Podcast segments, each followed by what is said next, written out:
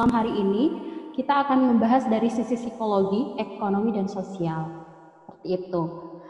Uh, sebelumnya saya ingin memperkenalkan uh, narasumber kita pada malam hari ini. Jadi ada tiga narasumber kita pada malam hari ini. Yang pertama ada Kak Veronica Kristiani S. MSI Psikolog. Beliau merupakan psikolog lembaga psikologi terapan Universitas Indonesia dan juga merupakan seorang dosen psikologi Universitas Isa Unggul. Kemudian uh, Kak Veronica ini merupakan co-founder dari Berliterapsi, merupakan suatu wadah literasi berbasis psikologi yang bermanfaat bagi masyarakat. Seperti itu ya Kak? Iya. Iya, selamat malam semuanya. Selamat malam, Mbak. Iya, selamat malam Kak.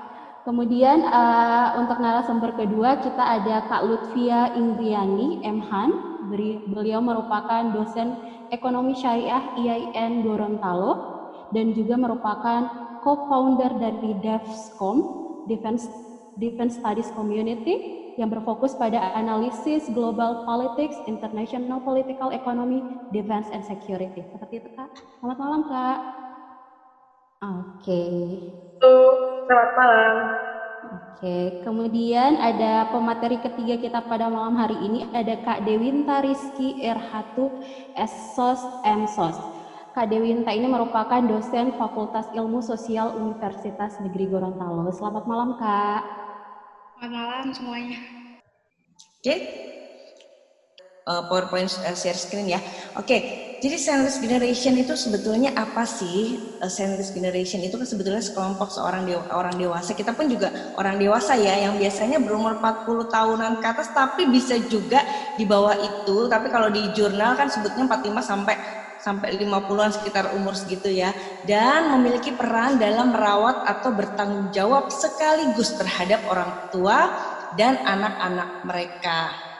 Nah, karena memiliki tanggung jawab. Jadi double tanggung jawab ya antara orang tua dan anak-anak mereka. Pastinya kan ada tantangan kan, makanya dia akan terjepit di gambarnya itu terjepit gitu. Jadi terjepit antara harus mengurus yang di atasnya dan mengurus yang di bawahnya. Eh, sebelumnya aja Mbak yang yang tadi. Oke, yang slide um, dua aja ya. Oke.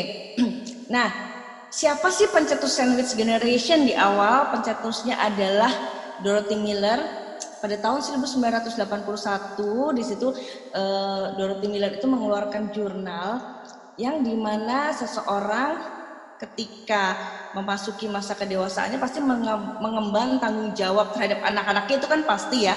Tetapi ternyata mereka juga mengemban tanggung jawab terhadap orang tuanya.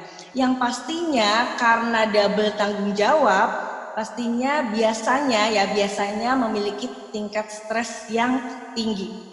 Karena apa? Karena uh, sudah di sudah harus mengurus anak-anak, apalagi kalau anak-anaknya banyak gitu ya, dan kemudian harus juga mengurus orang tuanya. Nah di sini yang memang paling berat adalah beban secara psikologis maupun biasanya finansial. Makanya nanti ada juga dari pembicara yang berkaitan nanti dengan finansial ya. Nah, tetapi tentunya kita juga perlu membekali diri dengan apa pemberdayaan diri supaya supaya kita tetap bisa beradaptasi dengan tuntutan dan tanggung jawab itu. Karena di usia-usia umur 30, 40 sampai 50 itu tugas perkembangannya adalah kita berkarir dan berkarir itu untuk menghidupi diri kita sendiri juga anak dan kalau memang ada yang membutuhkan ya orang tua kita gitu kan. Jadi makanya kenapa supaya kita bisa beradaptasi dengan tuntutan seperti itu. Dan tentunya juga butuh dukungan dari lingkungan. Tapi kalau sampai ada yang stres, depresi dan gak bisa untuk menanggulangi sendiri, ya oke. Tantangannya apa sih sebetulnya di dalam sandwich generation? Tantangannya adalah dua. Yang pertama, mengasuh dan membesarkan anak juga merawat dan perhatikan orang tua. Tentu juga ya, tentu juga sebetulnya kita merawat diri kita sendiri. Makanya ketika kita sebetulnya belum selesai dengan masalah-masalah diri kita, ini akan lebih memberatkan. Misalnya masalah diri kita itu apa? Misalnya gini, pada saat kita punya luka-luka batin atau misalnya inner child-nya bermasalah nih, pastinya kita juga akan susah untuk mengasuh dan membesarkan anak kalau sudah punya anak ya dan merawat dan memperhatikan orang tua. Karena apa? Masalah diri kita aja udah banyak. Jangankan mengurus anak mengurus orang tua kita aja udah baperan gitu kan. Nah karena karena punya tanggung jawab itu makanya kita perlu membereskan diri kita sendiri dulu. Tantangannya sebetulnya ada di situ. Karena manusia itu berkonflik itu sebetulnya sebagian besar bukan dengan sesuatu yang di luar dirinya, tetapi segala sesuatu yang di dalam dirinya. Konfliknya tuh lebih banyak ke arah situ. Nah, kalau sampai diri kita sendiri belum selesai, maka pastinya akan lebih susah dalam mengasuh dan membesarkan anak, apalagi juga merawat dan memperhatikan orang tua. Ya, jadi tuntutannya di sini lebih besar adalah ketika kita sendiri belum selesai dengan diri kita. Makanya kalau kalau orang-orang kalau di sandwich generation kan yang dibahas adalah mengasuh dan membesarkan anak dan perawat dan memperhatikan orang tua. Tetapi yang paling berat itu kalau saya lihat dari pengalaman-pengalaman praktek saya adalah bagaimana deal dengan dirinya sendiri. Bagaimana dia betul-betul memahami dirinya sendiri dengan adanya itu tadi inner child yang belum belum jadi masih unfinished business, inner child yang belum terpenuhi kebutuhannya dan sebagainya. Nah, eh, sebetulnya apa sih masalahnya? Masalah dalam mengasuh dan membesarkan anak dan merawat dan perhatikan orang tua. Ini yang pertama adalah eh, ketersediaan dana atau biaya atau uang gitu kan secara finansial dan alokasi waktu atau perhatian untuk orang lain. Nah, kalau, tadi yang saya seperti saya katakan kalau diri kita sendiri masih butuh perhatian, jangankan kita memperhatikan orang lain, kita sendiri lagi sangat butuh diperhatikan. Nah, ini nanti yang menjadi beban sebetulnya adalah pasangan. Pasangan yang menjadi beban karena kita pengennya diperhatikan kan oleh pasangan. Nah, akhirnya jadi akan menjadi konflik konflik berkepanjangan antara e, memperhatikan diri kita juga memperhatikan anak apalagi juga orang tua. Jadi makanya kenapa sandwich generation ini kadang-kadang uh, fenomena yang memang cukup berat untuk dijalani karena kalau dia nggak nyaman dengan dirinya pastinya dia akan kacau semuanya gitu kan ya. Kalau kita bahas parenting itu kan hanya pengasuhan anak. Ketika kita nggak belum belum berdamai dengan diri kita kita akan susah membesarkan anak. Nah sekarang ditambah lagi merawat orang tua yang memang apalagi yang mungkin sakit-sakitan kayak gitu kan ya. Jadi uh, betul. Ya, jadi ini uh, sandwich generation ini tantangan adalah kesulitan dalam mengatur hal yang bersifat finansial karena kita juga harus membagi keuangan baik untuk diri kita, untuk anak, gitu kan kalau punya anak atau untuk orang tua dan ke, atau kebutuhan keluarga inti. Dan kesulitan membagi waktu dalam menjalankan peran sebagai orang tua apalagi kalau sudah jadi sudah jadi orang tua kan ada pasangan ya dengan pasangan dengan anak juga untuk diri sendiri mengatur diri sendiri misalnya diri sendiri tuh keinginannya masih banyak banget gitu kan ya nah kemudian juga dengan orang tuanya. Makanya sebelum kita memasuki fase ini sandwich generation kita betul-betul perlu memperhatikan bahwa kita sudah selesai dengan diri kita karena itu yang paling berat. Itu yang uh, banyak di dalam proses-proses uh, terapi atau di dalam proses konseling lebih berat adalah bagaimana kita memahami diri kita sendiri. Misalnya contoh ya contoh, ketika kita masih punya luka batin sama orang tua kita, misalnya ya, uh, apakah mungkin kita bisa merawat orang tua? Karena uh, lukanya sendiri nih luka batin kita ini belum selesai. Misalnya dulu orang tuanya keras gitu kan ya, dimarahin dan sebagainya. Nah kita pasti akan sebel banget gitu kan sama tua. Jangankan uh, sebel sama orang tua, tapi sama diri kita nggak puas plus ditambah kita juga nggak bisa mendidik anak karena eh, apa yang kita apa yang kita dapatkan dari orang tua dan ketika itu belum selesai masih masih dalam penuh gejolak dan konflik kita akan meneruskan hal itu kepada anak kita. Misalnya dulu di dulu dimarahin atau dipukul sama orang tua. Nah yang terjadi adalah kita akan melakukan kekerasan itu kepada anak. Nah ketika kita sudah melakukan kekerasan kepada anak yang terjadi adalah situasi semakin banyak konflik. Ditambah ada orang tua yang memang perlu perawatan, tapi ini udah ada kebencian duluan gitu kan, ada kebencian bahwa hmm, e, orang tua saya aja dulu nggak mendidik saya dengan baik, kenapa saya harus e, uh, mengasuh atau mem, membimbing orang tua saya. Jadi banyak pertanyaan-pertanyaan yang seperti itu. Sehingga inilah yang perlu kita bereskan dulu di dalam diri kita. Karena ini banyak banget. Saya pernah mengadakan seminar di Indonesia bagian timur mereka pendidikannya adalah 90% mereka menga, uh, mereka uh, mengasuh anak dengan kekerasan. Dan itu sudah turun temurun dan yang terjadi adalah bahkan mereka juga merasa uh, luka uh, luka batin memiliki luka batin pada orang tuanya. Dan orang tuanya padahal kalau yang yang pernah set tangan itu kadang orang tuanya sudah meninggal.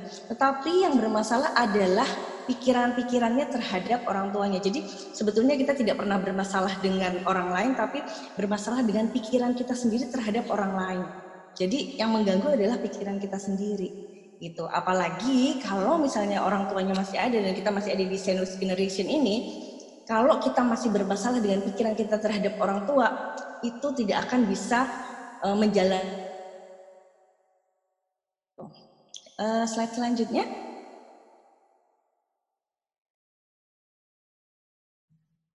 Oke, nah tadi yang saya sudah uh, sempat uh, menceritakan bahwa tantangan-tantangan tersebut sering kali tadi ya, sering kali pada saat kita nggak selesai dengan diri kita, kemudian juga kita melihat anak melihat anak kita rasanya pengen uh, dalam tanda kutip sebetulnya nggak pengen balas dendam seperti orang tua yang dilakukan orang tuanya dulu, tetapi secara pikiran bawah sadar itu kayak munculnya automatically.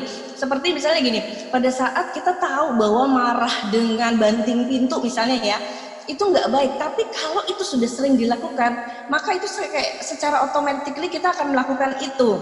Nah, seperti itu. Jadi eh, hal-hal yang semacam itulah yang akan menambah beban di dalam psikologis uh, di dalam generasi sandwich ini dan tentunya akan menyebabkan kelelahan baik fisik maupun mental dan memunculkan berbagai emosi yang tidak memberdayakan.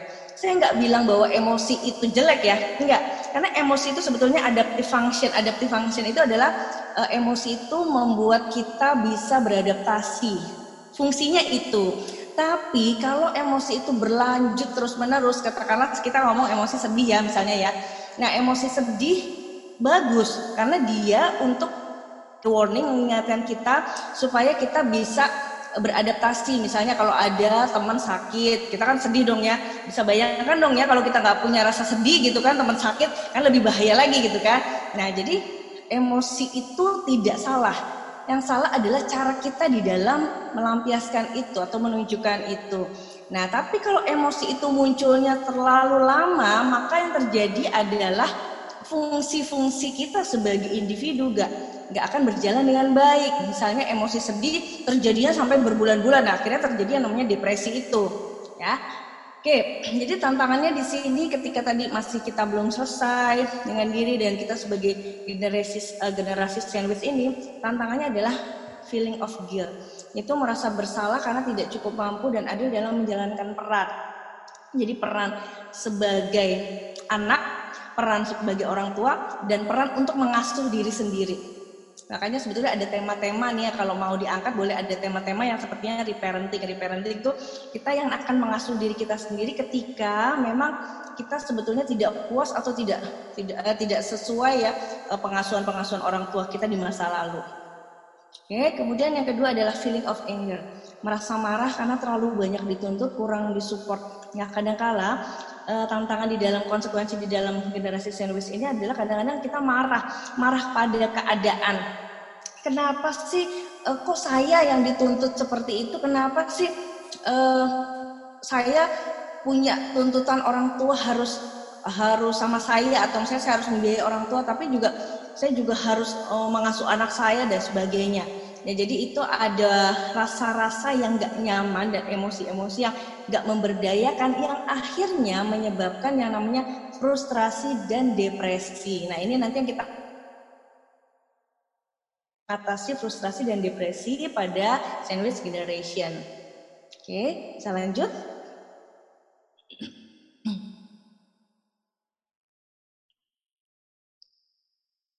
Oke, oke.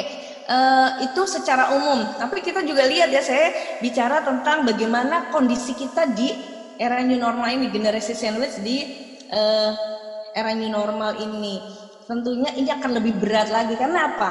Beberapa individu memiliki penghasilan yang berkurang. Ya kan? Ada pemutusan hubungan kerja segala macam. Dan ada juga yang terpapar COVID-19 kemudian hubungan sosial juga dibatasi jadi stresnya itu semakin banyak karena ini karena saya berbicaranya di era ini ya COVID makanya saya kenapa sampaikan ini. Karena karena generasi sandwich di era new normal ini lebih berat tantangannya karena adanya masalah-masalah atau penurunan-penurunan di yang berkaitan dengan finansial, kemudian kesehatan, relationship ya hubungan dengan orang lain sehingga kita nggak ada uh, coping mechanism atau atau uh, istilahnya pelampiasan untuk menyalurkan sesuatu hal yang nggak nyaman di dalam diri kita dan bebannya bertambah banyak seperti itu maka yang terjadi adalah uh, banyak emosi-emosi yang tidak memberdayakan itu muncul kayak rasa frustrasi, marah, takut, kesedihan yang mendalam, putus asa dan sebagainya. Nah, kuncinya adalah bagaimana kita beradaptasi dengan semua kondisi ini. Jadi orang yang bisa dikatakan resilient atau dia bisa menempuh kehidupan dengan baik, sebetulnya bukannya orang yang belum tidak pernah menghadapi situasi yang sulit. Itu kan sandwich generation itu kan sebetulnya kayaknya ada situasi sulit, berat banget. Jadi bukannya karena dia uh, berada di dalam situasi yang sulit, tetapi bagaimana dia bisa beradaptasi ketika dia jatuh, dia bisa bangkit lagi dan benar-benar menghadapi situasi itu dengan baik dengan tepat. Itulah yang dikatakan orang resilient. Jadi generasi sandwich yang resilient itu seperti apa? Ketika dia menghadapi tantangan yang banyak ini, apalagi di situasi uh, era new normal ini, dia bisa bangkit, dia bisa bounce back lagi gitu kan, dia bisa bangkit dan menghadapi situasi ini dengan baik dan bisa memberdayakan dirinya. Gitu. Oke, lanjut.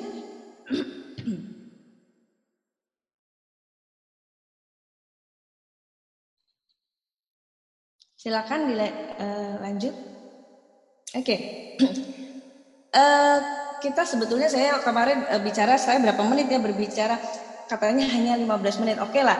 Uh, mudah-mudahan sih uh, saya bisa menyampaikan tips dan uh, triknya ya. Oke. Okay. Nah, tadi saya sudah mengatakan bahwa generasi sandwich ini kita dipenuhi dengan kadang-kadang rasa frustrasi, depresi gitu kan, apalagi di situasi COVID-19 ini ya, saya berbicara di situasi COVID-19 apa yang perlu kita lakukan kalau misalnya ternyata pada generasi sandwich ini betul-betul merasakan yang namanya frustrasi, kesedihan mendalam, putus asa gitu kan.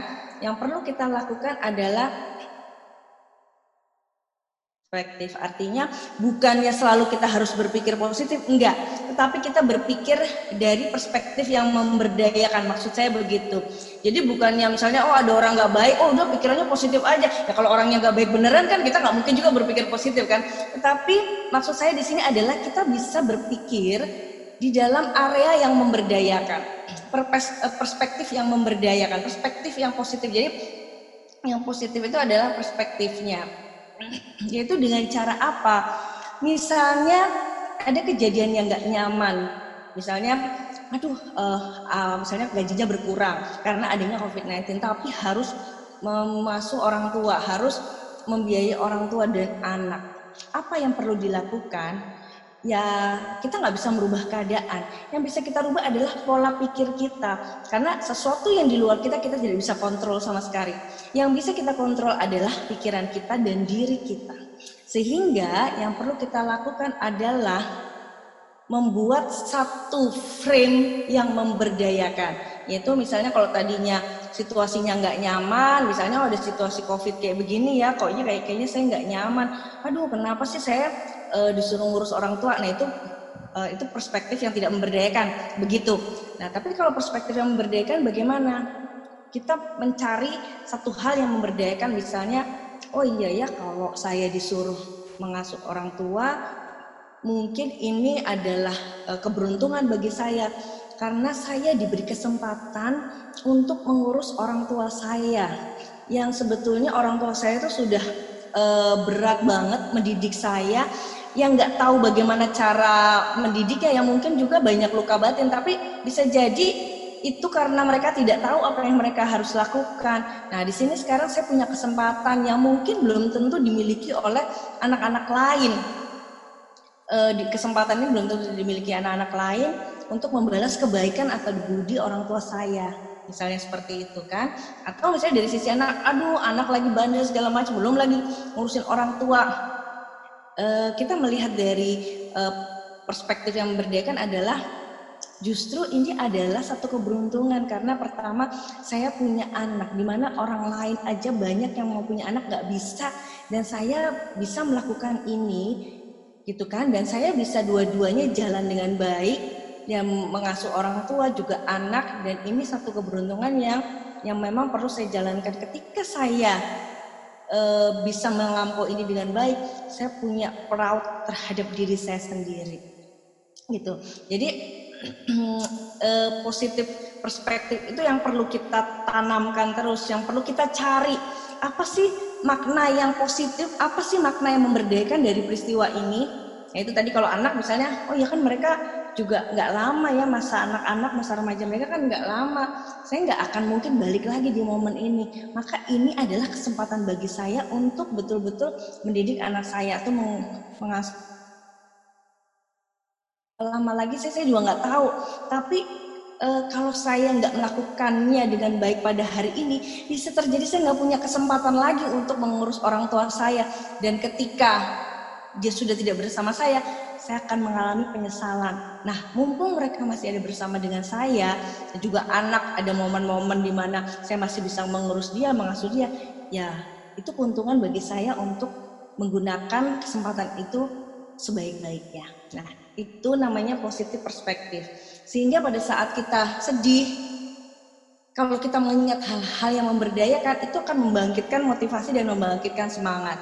Kenapa selama ini kita selalu sedih, mengeluh? Karena kita selalu membayangkannya uh, dari hal-hal yang jeleknya dulu gitu kan. Aduh nanti susah, aduh repot banget gitu kan. Aduh nanti uangnya nggak cukup dan sebagainya. Nah makanya untuk e, tips yang pertama ini kita melihat dari sisi yang memberdayakannya, sisi yang positifnya seperti apa. Memang kejadiannya tetap sama, tapi ketika kejadian sama itu kita bisa melihat dari dua perspektif yang berbeda yang memberdayakan, itu kita akan lebih berdaya guna. Contoh aja kalau misalnya di Jakarta, saya ngomong di Jakarta ya, macet misalnya. macet adalah sesuatu yang tidak bisa kita kontrol. Tapi perilaku kita sangat kita bisa kontrol kita macet terus kita mau marah-marah bisa kita macet mau dengerin musik bisa juga gitu kan. Nah apakah kita bisa merubah macet? Enggak. Tapi kita bisa merubah respon kita terhadap macet itu. Ini contohnya begitu ya.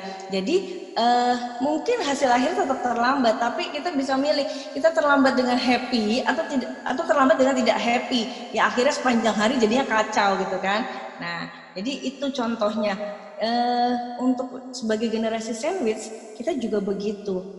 Situasi yang ada di dalam diri kita ini atau ada yang di, di lingkungan kita ini kita nggak bisa kontrol sama sekali. Yang bisa kita kontrol adalah pikiran kita respon kita menghadapi situasi ini. Jadi kalau misalnya kita masih punya kesempatan untuk mengurus orang tua mengasuh anak ya kita mengambil dari perspektif yang memberdayakan sehingga kita betul-betul puas dengan diri kita. Karena apa? Karena ternyata kita mampu ya mengurus yang kata orang ini berat tapi ternyata saya mampu.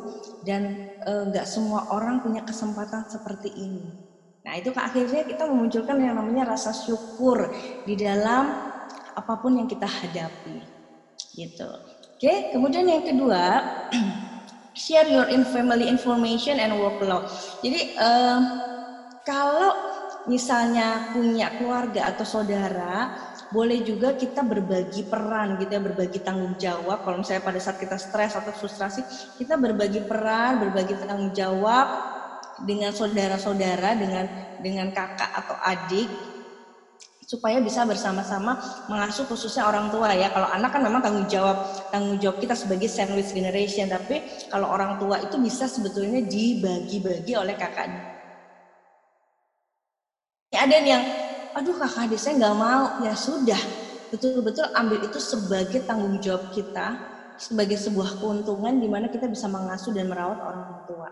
gitu ya dan kalau misalnya memang nggak bisa nih kakak adiknya nih berarti kalau anak-anaknya sudah remaja gitu ya kita bisa melibatkan mereka di dalam uh, membantu supaya orang tua misalnya nggak kesedihan, nggak nggak sedih atau nggak kesepian gitu kan.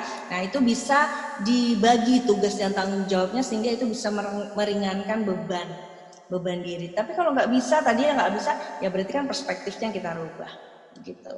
Oke lanjut.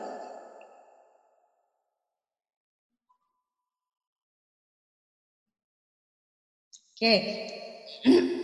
nah, karena kadang kala sebagai service generation itu stres, ya itu kalau tadi perspektif memberdayakan, eh, sekarang saya minta untuk Anda benar-benar bisa meluangkan waktu untuk diri Anda sendiri supaya itu bisa mereduksi stres dan mempelajari teknik, teknik relaksasi dan melakukan secara kontinu.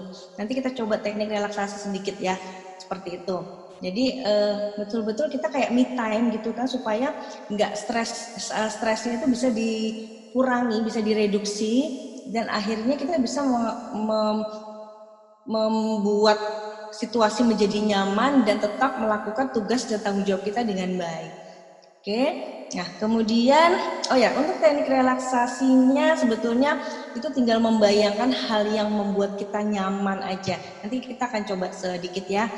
Oke, kemudian uh, learn or support from friends and professional. Kalau sampai stresnya sudah tidak bisa ditangani oleh sendiri, maka yang diperlukan adalah mem meminta masukan dan pertimbangan dari profesional. Saya nggak menyarankan untuk uh, ke teman kalau bukan teman dekat ya. Karena apa? Kadang kala nih ya, kadang kala ini menurut pengalaman saya, uh, saya dan klien-klien saya ya, kalau misalnya kita punya masalah, kemudian ceritain sama teman, either teman-teman itu ngompor-ngomporin gitu kan, ngompor-ngomporin atau atau uh, pokoknya ya nambahin sehingga yang, yang terjadi adalah tidak menyelesaikan masalah. Karena apa? Mereka salah enggak salah. Tapi mereka kadang-kala tidak bisa netral gitu kan? Apalagi kalau ngelihat temennya berat gitu kan mereka langsung ngompor-ngomporin. Misalnya gini iya nih aduh saya suruh ngurus orang tua saya pada ngurus anak. Ya gimana sih kakaknya dong yang ini dong? Nah segala macam kan akhirnya menjadi stres dan akhirnya jadi benci lah sama kakaknya. Tuh saya benci lagi sama orang sama orang tuanya seperti itu. Jadi kalau memang situasinya sangat eh, nggak eh, nyaman sebaiknya berbicara pada orang terdekat atau orang yang netral atau bantuan profesional supaya bisa mereduksi ketegangan itu. Seperti itu. Nah Tadi saya janji untuk uh, mengajarkan teknik relaksasi sedikit. Kita bersama-sama, ini cuma sedikit aja, uh, paling uh, satu atau dua menit saja. Boleh teman-teman duduk yang nyaman, tenang. Oke. Okay. Boleh uh, sambil tutup mata. Oke. Okay. Baik, silahkan teman-teman merasakan nafas, keluar masuknya nafas, kemudian dikeluarkan dari masuk dari hidung, keluarkan dari hidung juga boleh atau dari mulut terserah senyamannya teman-teman. Dan kemudian bayangkan tempat yang nyaman, tempat yang disukai, dan sebarkan perasaan nyaman itu dari dada turun terus sampai kaki dan akhirnya sebarkan rasa nyaman itu dari ujung kepala sampai ujung kaki dan boleh afirmasikan, afirmasikan katakan atau niatkan di dalam diri mulai hari ini dan seterusnya saya semakin nyaman dan semakin tenang. Bisa diulangi di dalam hati saja, niatkan di dalam diri, mulai hari ini dan seterusnya saya semakin nyaman dan semakin tenang. Oke, kalau sudah rasakan terus ya, sebarkan rasa nyaman itu dan kalau anda sudah merasa siap, Anda boleh buka mata dan bangun dengan badan yang lebih sehat, segar, dan perasaan yang lebih nyaman dan tenang. Oke, gimana rasanya teman-teman? Merasakan kenyamanan? Boleh nggak uh, sharing sedikit supaya gimana rasanya? Kayak paling enak kalau pakai instrumen atau suara misalnya. Oh boleh, iya iya iya, boleh boleh boleh, ya. Pakai instrumen juga boleh. Nah, uh, oh ada yang bilang saya merasa seperti di pantai. Ya ini ini istilahnya. Ya, Iya, boleh di mana aja kan tadi tempat yang nyaman, boleh di pantai, di pegunungan, di mana pun saja. Yang penting adalah e, ketika kita benar-benar merasakan kenyamanan itu kita niatkan dan itu nanti bisa meredakan ketegangan, rasa frustrasi, kemudian rasa stres, rasa depresi e, pada saat kita yang memiliki tuntutan-tuntutan atau tugas dan tanggung jawab itu bisa meredu, mereduksi ketegangan-ketegangan kita. Seperti itu Baik, begitu saja sharing saya. Jadi eh, yang perlu saya eh, perjelas adalah mudah-mudahan sih sangat membantu ya eh, tipsnya dan tadi eh, latihannya singkat.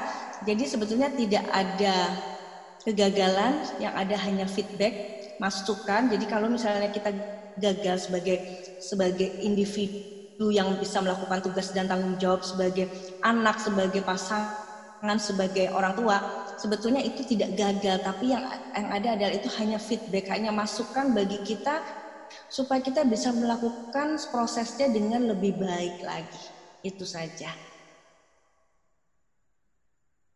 Baik, terima kasih banyak Kak Veronica Kristiani atas sharingnya. Saya juga tadi membayangkan pantai, jadi rasa nyaman kayak lagi main-main okay. di pantai. Ini rata-rata di pantai ya, rata-rata ya. Rata-rata di pantai. Terus ada yang nyaman seperti tidak ada beban ya, syukurlah. Yang penting mudah-mudahan bisa teknik ini bisa dipakai ya teknik singkat ini ya, dipakai iya. untuk merendahkan ketegangan. Baik, terima kasih kak. Ya, sama-sama. Baik, selanjutnya kita pindah ke materi selanjutnya dari Kak Lutfia Ingriyadi. Disilahkan Kak. Ya, terima kasih Mbak Eka. Halo, selamat malam semuanya. Saya perkenalkan diri saya singkat lagi ya. Saya Inggris, sekarang saya dosen di IAIN, sedang uh, dan dikenalkan tadi sebagai co-founder Devcom. Dia lembaga riset strategis, tapi di sana posisinya saya sebagai uh, finance officer-nya. Jadi saya mengatur uh, keuangannya di sana. Gitu. Uh, kemudian hari ini kita ngomong generasi sandwich. Uh, yang paling terpengaruh selain mental yaitu kan keuangan kita sendiri nih. Uh, Oke, okay, saya langsung aja kita mulai. Di sini saya mau fokus ngomongin tips gimana how to set your financial goals. Pastinya orang-orang uh, yang berada di posisi uh, sandwich generation ini, seperti yang Mbak uh, Mbak Veronica Kristi udah omongin, dia tuh terhimpit. Dia bisa berbentuk, generasi sandwich ini bisa berbentuk seorang individu, tidak menutup kemungkinan kita generasi milenial, dan juga nanti ke depannya generasi alpha, kita nggak menutup kemungkinan juga masih terus berlanjut. Karena ini fenomena yang mungkin bisa dijelaskan secara sosial nanti. Kenapa dia mata rantainya nggak terputus, kayak gitu. Nah, ada plusnya ada minusnya. Jadi nggak semuanya kita kalau jadi uh, sandwich kita itu merasa merasa terbebani. Seperti yang Mbak Veronica tadi omongin itu kalau kita ambil positif mindnya uh, secara finansial ini memang dia akan sangat uh, rumit ya pembahasannya. Karena dia harus bertanggung jawab ke atas gimana dia harus mengurus orang tua di sisi lain itu adalah bukan bentuk tanggung jawab utama, tapi juga disebut tanggung jawab anak kepada orang tua. Di sisi lain, dia ber, mengurus dirinya sendiri, keperluan dia sendiri juga, dan anak-anaknya yang sebagai tanggung jawab utama. Atau kalau belum berkeluarga, ya minimal diri sendiri, dan kalau ada adik, biasanya adiknya juga diurusin nanti. Nah, ini nih, uh, ada plusnya, kita nggak nggak boleh langsung, wah berat nih, wah gue bakal hidup miskin nih, nggak karena sepandai-pandainya kita, eh, jadi kalau kita pandai mengatur keuangan, kita nggak akan jatuh minus kok keuangan kita. Kesempatan untuk kayak tadi berbakti kepada orang tua dan ini adalah sebuah tanggung jawab sebagai kepercayaan bahwa mereka percaya finansial kita kuat untuk menyokong itu didoain baik dong berarti tapi minusnya juga emang banyak selain beban keuangan finansial sendiri kita juga terbebani dengan beban finansial di sekeliling kita jadi pengaturan alokasi pos keuangan kita jadi semakin bertambah semakin lebar nah, rasio-rasio keuangan kita semakin besar jadinya kayak gitu uh, ya kayak gini ya. Jadi sebenarnya jadi generasi sandwich itu tidak seperti kemauan dia sendiri. Ini lahir karena biasanya generasi sandwich ini lahir dari generasi sandwich sebelumnya dan generasi sandwich sebelumnya dan sebelumnya dan sebelumnya. Kayak gitu. Apa sih yang membuat mereka jadi generasi sandwich ini nggak selesai-selesai? Uh, sebenarnya ini juga tergantung pada kulturnya, sosio, uh, sosialnya, dan adat semua budaya generasi sandwich ini mungkin saja terjadi berulang-ulang karena kondisi geografis orang itu ada di mana, sosialnya seperti apa, adatnya dia seperti apa, dan pola asuh di keluarga dia uh, tentang keuangan itu juga seperti apa. Mindset keuangan dia kadang tiap tiap uh, tiap negara kan, tiap negara, apalagi kita di Indonesia dengan banyak budaya, cara mengelola keuangan orang Jawa mungkin beda, orang Gorontalo beda, orang Kalimantan, Papua juga itu beda itu berpengaruh sama financial goal kita di rumah tangga kita. Jadi uh, gimana sih tipsnya bertahan sebenarnya uh, dalam dalam uh, mengatur pengeluaran kita harus tahu dulu kita di generasi sandwich ini, apakah tanggung jawab ke atas kita itu sebagai tanggung jawab utama? Maksudnya orang tua kita benar-benar bergantung banget tanpa kita nggak bisa hidup, atau sekedar kita kayak sedekah ke orang tua. Jadi kita harus tahu dulu permasalahannya itu apa kayak gitu. Um, masalahnya itu bisa terjadi karena banyak hal. Ada yang dikarenakan karena kondisinya memang seperti itu, ada yang tidak sengaja Kemudian kita harus pintar-pintar ngatur budgeting. Kadang kala yang terjadi saat ini, kadang itu karena empat. Ini kebanyakan orang-orang uh, cerita ke saya karena saya juga sedang ambil sertifikasi profesi financial advisor. Kita sering tukar informasi. Biasanya orang-orang Indonesia kita nggak usah meskipun ini kasus global, gak cuma di Indonesia, tapi rata-rata di Indonesia yang banyak terjadi itu gaya hidup masa tua itu masih terbawa, terbawa jadi kayak dia nggak merasa saya saya PNS terus saya pensiun terus saya masih ke bawah. Gaya konsumsi saya pada saat saya aktif menjadi PNS dan pensiun itu nggak ada beda. Padahal gaji saat saya aktif produktif dengan gaji saat saya tidak produktif itu berbeda. Plus aset yang saya sediakan pada saat saya masih produktif dan pada saat saya sudah pensiun. Kadangkala uh, meski uh, gaya hidup itu mempengaruhi. Plus, biasanya ini terjadi karena harapan hidup yang tinggi di, tidak diiringi dengan kualitas hidup yang tinggi. Tapi sebenarnya ini jadi syukur, makanya kenapa kita bilang tadi di awal, kita harus bersyukur kita bisa mengurus orang tua kita. Itu bentuk bakti kita ke orang tua. Itu bisa dibuat membuat mindset kita, psikologis kita agak tenang, terus kita jadi mungkin lebih tenang lagi dalam mengatur keuangan. Oke, ini adalah tanggung jawab saya, maka saya harus menyisihkan dan mengalokasikan sebagian uang saya sekian persen misalnya atau sekian nominalnya. Masalahnya kalau sudah kayak gitu, usia lebih panjang, tentu saja biaya hidup lebih panjang dong. Kadang itu terjadi tidak sesuai antara aset dan aset dan biaya yang disediakan dengan jangka hidup yang lebih panjang, tidak diiringi dengan kesehatan yang baik. Nah, jadi akhirnya dia butuh bantuan anaknya atau saudaranya dan sebagainya. Terus musibah itu bisa jadi kerja karena musibah. Meskipun orang tua kita punya dana pensiun, misalnya sudah mandiri, sudah tersetting dengan baik dana pensiunnya, terkadang musibah nggak bisa dihindari, bencana alam maupun non alam, contohnya COVID. Pasti banyak sekali di antara kita seperti Mbak Kristi bilang kita stresnya bukan main kalau kita udah jadi perempuan utama. Karena kita kena covidnya lagi mungkin? Atau ya bapak gua kena covid ya gua doang yang kerja jadi bingung kayak gitu kan terus yang paling sering, yang paling sering di Indonesia hadapi adalah salah perhitungan alias mismatch antara perkiraan dana investasi dan realitas hidup. Atau force major lain, misalnya investasi yang tidak berkembang atau bisnis yang gagal.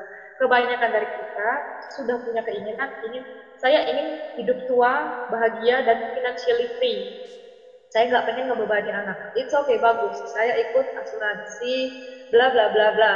Tapi duit asuransinya mungkin dia salah pilih reksadana, terus ya kolaps asuransinya atau apa kayak gitu. Atau yang kedua, saya nggak pecinta produk keuangan. Ada banyak sekali orang Indonesia yang masih tidak percaya asuransi dan produk keuangan. Itu banyak sekali.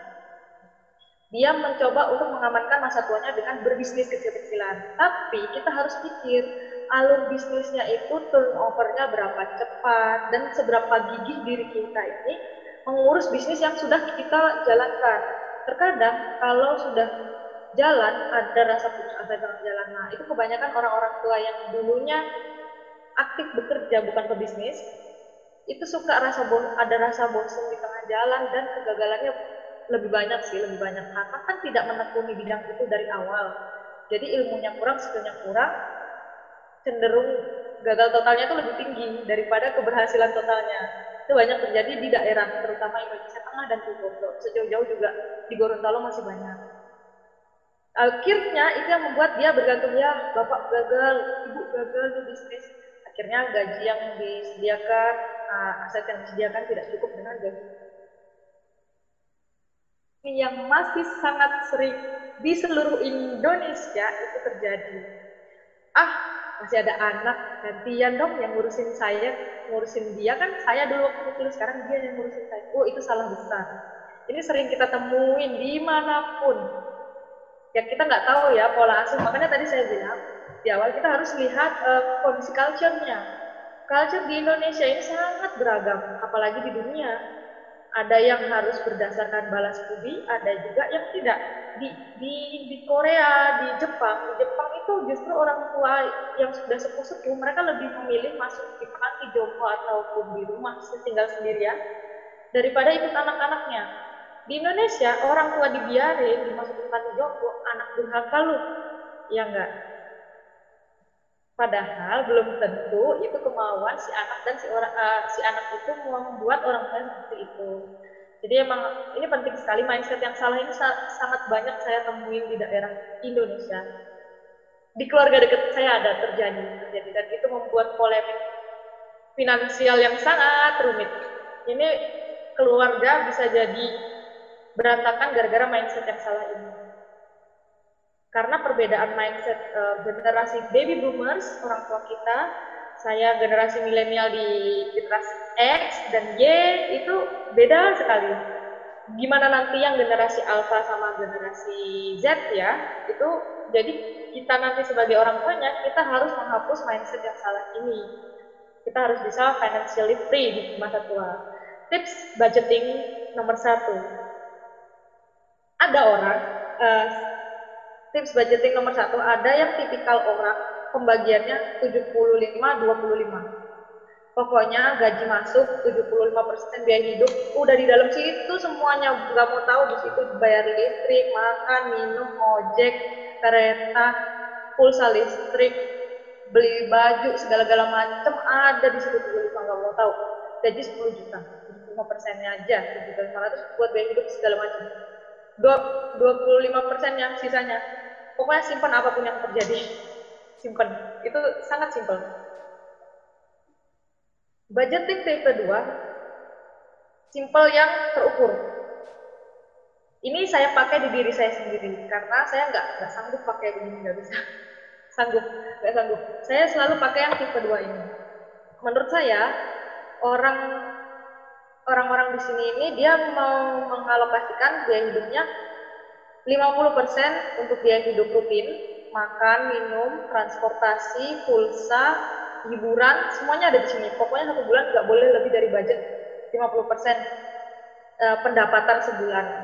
Nah, dan kewajiban maksimal 30%. Kewajiban di sini maksudnya uh, kayak biaya cicilan, utang, atau BPJS. Jadi semua sesuatu yang punya tempo per bulan, pokoknya yang harus dicicil dan dibayar tiap bulan, selain konsumsi ya, selain konsumsi, itu dimasukin di kewajiban.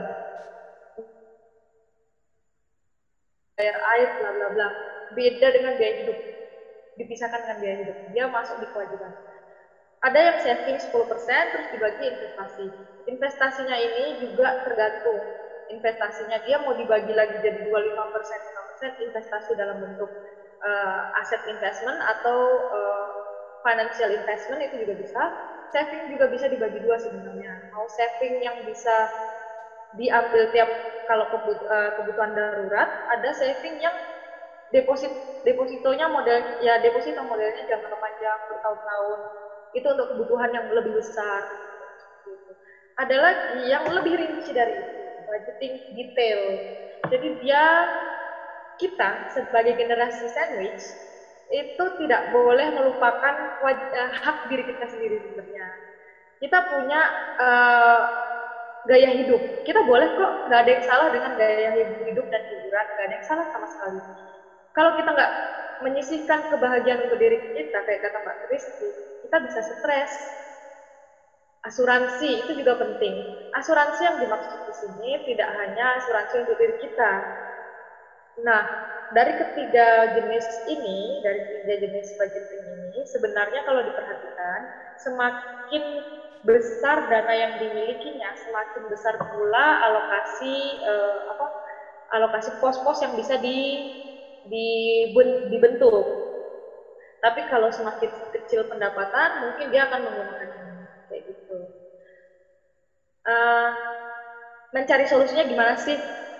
Kalau udah terjepit secara finansial dan secara psikis, sebenarnya ini bukan sebuah mimpi buruk, bukan. Asal kita pinter, benar-benar pinter mengatur diri kita sendiri, dimulai dari jika kita akan memiliki pasangan atau sudah memiliki pasangan, kita perlu komunikasi dengan pasangan. Kalau sendiri, ya jelas kita harus mengukur diri kita sendiri masih lajang itu kita harus tahu pasangan kita keluarga besarnya seperti apa saya keluarga besarnya seperti apa posisi masing-masing di keluarga besar uh, seperti apa jangan-jangan dua-duanya tulang punggung atau ternyata anak tunggal atau ber, uh, berkakak adiknya nggak banyak cuma dua dua gitu harus tahu posisi dia di mana dan mencari tahu sejauh mana keluarga besar dia itu bergantung sama dia. Meskipun dia bukan tulang punggung, ada kalanya kita dijadikan uh, acuan utama untuk referensi keuangan. Biasanya seperti itu, itu banyak. Dan kita harus uh, sebagai generasi sandwich itu susah-susah gampang sih. Tapi ini kayaknya harus banget kita selalu menambah alokasi pengeluaran jadi kalau misalnya kita hidup memang harus membiayai orang tua dan adik kita, saudara kita, kakak kita, atau siapa pun, tentu saja alokasi pos-pos pengeluaran kita akan ber, bertambah. Nah, itu yang tadi saya bilang, kalau di biaya hidup rutin ini, ini silahkan disesuaikan dan apakah dia masuk di sini ya biaya-biaya menghidupi kakek, nenek, bapak, ibu, adik, kakak, saudara, om, tante itu masuk di biaya hidup rutin atau dibuatkan baru misalnya dana sosialnya dihapus masuk dana keluarga, dana dana ngurusin keluarga kayak gitu. Jadi bisa dimasukin di biaya hidup rutin atau dibuatkan alokasi yang baru. Wajib dan penting hukumnya punya dana darurat meskipun 100 ribu nyisirnya itu penting banget karena kita nggak ngerti apa yang terjadi dengan diri kita. Kita yang sudah diandalkan tentu saja kita harus lebih kuat logikanya daripada yang lain secara finansial. Kemudian asuransikan diri kita sendiri dan keluarga. Misalnya kita semua dan peserta yang di sini itu kurang paham tentang asuransi swasta, minimal pakai BPJS. BPJS kan murah. Terus dia bisa sedikit membantu keuangan kita kalau kita terjadi sesuatu yang tidak diinginkan pada orang-orang yang kita tanggung. Nggak mau dong susah sendiri, ya seenggaknya diurusin negara. Tapi alangkah baiknya didouble dengan asuransi swasta. Saya selalu kayak gitu, saya BPJS, saya pakai swasta. Kenapa? Karena ada item-item mahal premium yang tidak di cover oleh BPJS. Sehingga kalau itu tidak di cover BPJS, kita punya asuransi swasta yang mengcover itu dan digantiin uangnya. Kan enak, kayak gitu. Nah, kebanyakan dari orang Indonesia, di mana pun, kebanyakan orang Indonesia yang belum well literated tentang finance, diiklanin sama mbak-mbak marketing asuransi kabur duluan. Itu kan kabur dulu. Di diiklankan asuransi. Pergi ah. Padahal dia nggak tahu. Double claim asuransi itu boleh. Hati tenang kantong juga tenang. Kayak gitu. Maksudnya sih itu. Cuman orang-orang belum paham bener apa maksudnya investasi dan asuransi yang paling penting kita juga siapkan diri kita sendiri. Mulai dari mindset yang tadi jangan bergantung sama uh, keturunan kita atau jangan nyusahin orang lain. Minimal kita harus financially free direncanakan dari sekarang. Mengukur masa tua yang tidak produktif. Saya punya asumsi hidup setelah umur kalau saya dosen saya pensiun sekitar 68 atau 70 tahun lagi. Kalau saya asumsinya saya masih sehat dan tidak punya penyakit berat mungkin saya masih dikasih bonus hidup 20 tahun lagi saya siapkan asuransi kematian dan penyakit yang 20 tahun kemudian dari sekarang. Kalau enggak, saya mulai berinvestasi di emas. Bukan, uh, maaf, melindungi nilai mata uang saya di emas. Itu bisa. Atau saya punya, mm, kalau tanah kan itu biasanya yang superior banget ya. Minimal itu kita nyicil emas deh. Karena kenapa? Emas itu bukan nilai investasi, tapi dia melindungi nilai rupiah kita apa pun kondisinya emas itu sangat cair. Yang kedua investasi, eh, ah, sorry asuransi. Asuransi itu enggak asuransi itu kan bisa membuat kualitas hidup orang di bawah kita lebih baik. Kenapa masalah kemiskinan Indonesia itu terus ada? Karena orang-orang yang sudah habis masa produktifnya itu seperti tadi, dia bergantung ke generasi setelahnya, generasi sebelumnya, tanpa dia meninggalkan manfaat untuk orang lain. Orang yang bayangkan kalau kita adalah generasi senior dan kita pulang keluarga, bapak ibu kita dan adik kita atau pasangan kita dan anak kita, terus kitanya meninggal. Kitanya tentu kita sendiri pasti punya beban hidup diri sendiri, yang misalnya kita cicilan utang di mana dan kita ada masalah apa misalnya yang kita tinggalkan. Kalau paling penting tuh di Indonesia tuh kebanyakan masalah finansial sih yang ditinggalkan. Nah, itu kan akan menjadi beban lanjutan untuk generasi selanjutnya. Yang jadi masalah bagaimana menyelesaikan itu. Orang ketika ditinggalkan orang lain, posisinya dia adalah lemah. Apalagi kalau finansial dia bergantung pada orang tersebut, maka itu kerentanan finansialnya sangat tinggi.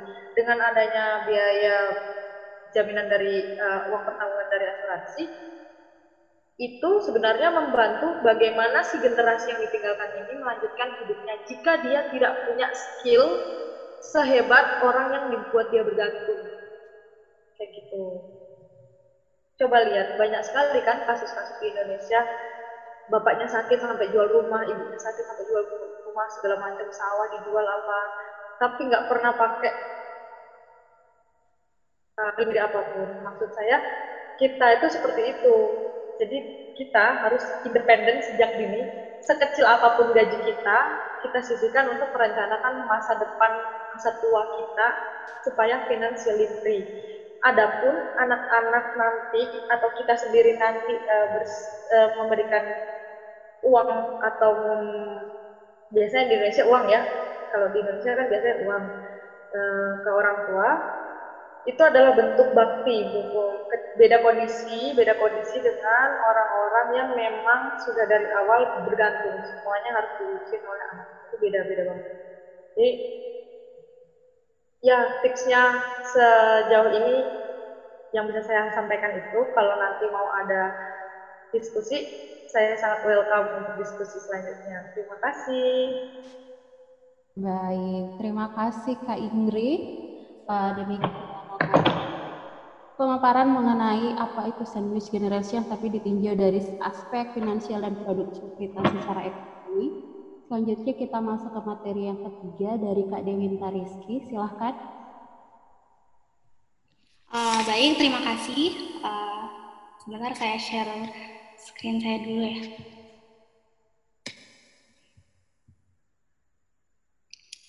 Uh, baik, uh, selamat malam teman-teman semua. Uh, perkenalkan, nama saya Dewi Tariski. Ya, jadi uh, kalau sebelumnya kita sudah Mbak Veronica sama Mbak uh, Ingri uh, membahas topik kita malam ini dari aspek uh, psikologi dan ekonomi. Uh, kali ini saya akan sharing dengan teman-teman semua dari aspek sosial ya. Jadi uh, karena saya juga backgroundnya dari sosiologi, jadi mungkin kita akan banyak membahas isu ini dari perspektif sosiologi. Ya. Nah, uh, saya akan mulai dari pertanyaan yang mungkin akan muncul gitu ya. Kenapa atau mengapa kemudian uh, sandwich generation ini menjadi sebuah isu sosial yang happening sekarang banyak dibicarakan orang gitu ya atau mungkin kalau ditelisik ke belakang sebenarnya banyak orang yang sudah berada di situasi ini tapi kemudian tidak sadar bahwa oh iya ya ternyata saya berada di situasi terjepit begitu.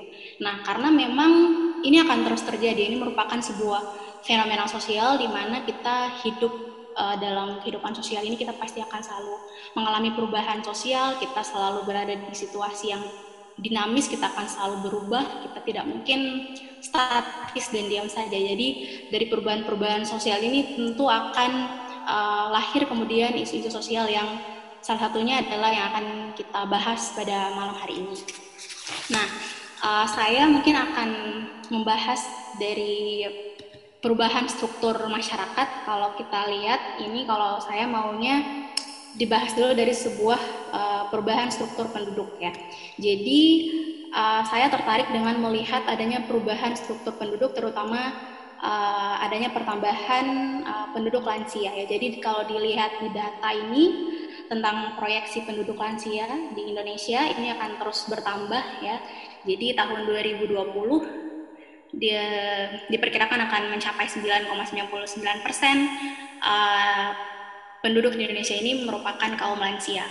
Kenapa kemudian lansia menjadi menarik untuk sebagai pembuka topik saya pada malam hari ini? Karena konsekuensi menjadi lansia itu berarti kita sudah tidak produktif ya. Berarti kita akan mengalami penurunan produktivitas. Sehingga kita butuh orang lain untuk bisa mengurus itu. Kita butuh orang lain untuk bisa menopang kita di saat kita sudah tidak produktif lagi kita kemudian hidup di uh, masyarakat yang kita ada kontrol sosial, kita ada norma dan nilai yang berlaku dalam masyarakat, kita ada ideologi kultural yang uh, kita pegang bahwa mengurus orang tua adalah kewajiban anak. Ya, it's a normal thing sebenarnya.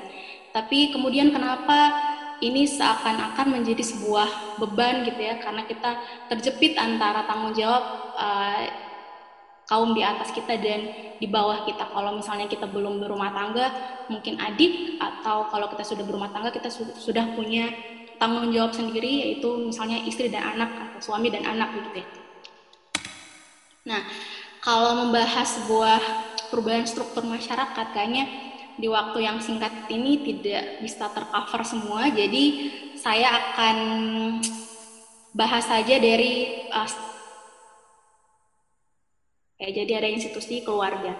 Nah, keluarga ini merupakan sebuah analoginya sebuah organisasi kecil dalam masyarakat yang terdiri dari ayah, ibu dan anak ya. Jadi ayah, ibu dan anak kita punya peran dan fungsinya masing-masing dalam keluarga.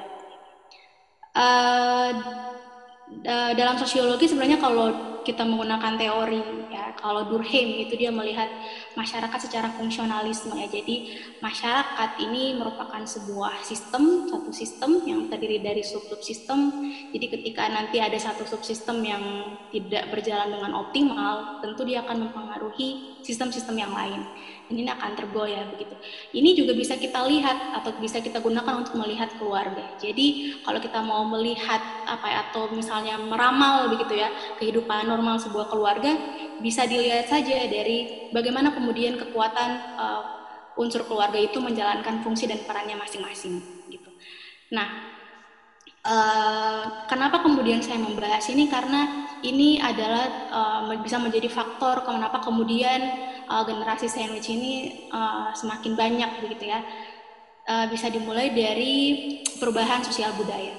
Nah adanya uh, perubahan struktur keluarga. Jadi dari extended family menjadi nuclear family dari keluarga besar kemudian hanya menjadi keluarga inti, ada kemudian family tight menjadi family loose ya. Jadi dari keluarga yang kekuatan uh, mereka sangat erat gitu, terus kemudian berubah menjadi longgar atau mungkin ada ideologi uh, yang kita pegang, perspektif yang kita pegang dulunya uh, keluarga ini sebenarnya berlomba-lomba mem, ya memiliki keluarga besar gitu ya. Tapi seiring berjalannya waktu ada perubahan-perubahan pola pikir pikir dalam masyarakat bahwa ya sudahlah saya hanya dua anak cukup gitu ya atau ditambah misalnya dengan uh, program pemerintah KB dan uh, lain-lain uh, yang sehingga membuat uh, perubahan-perubahan ini semakin ada gitu. Nah perubahan ini tentu memberikan peluang uh, bagi generasi ini untuk uh, menjadi sebuah situasi di mana dia bisa menjadi uh, punya banyak beban gitu atau punya banyak tanggung jawab. Misalnya dari keluarga besar, kemudian dia menjadi keluarga kecil. Kalau misalnya kasusnya misalnya kita punya keluarga besar, uh, tadi misalnya Mbak Veronica sudah bilang kita bisa sharing dengan kakak adik gitu. Tapi kalau misalnya kita berasal dari keluarga yang kecil, saya cuma misalnya punya ayah, ibu, seorang kakak dan seorang adik. Jadi ya kita mau sharing dengan siapa? Nah, itu merupakan perubahan-perubahan uh, sosial budaya ini yang menjadikan uh, banyak kemudian lahir uh, generasi seperti ini.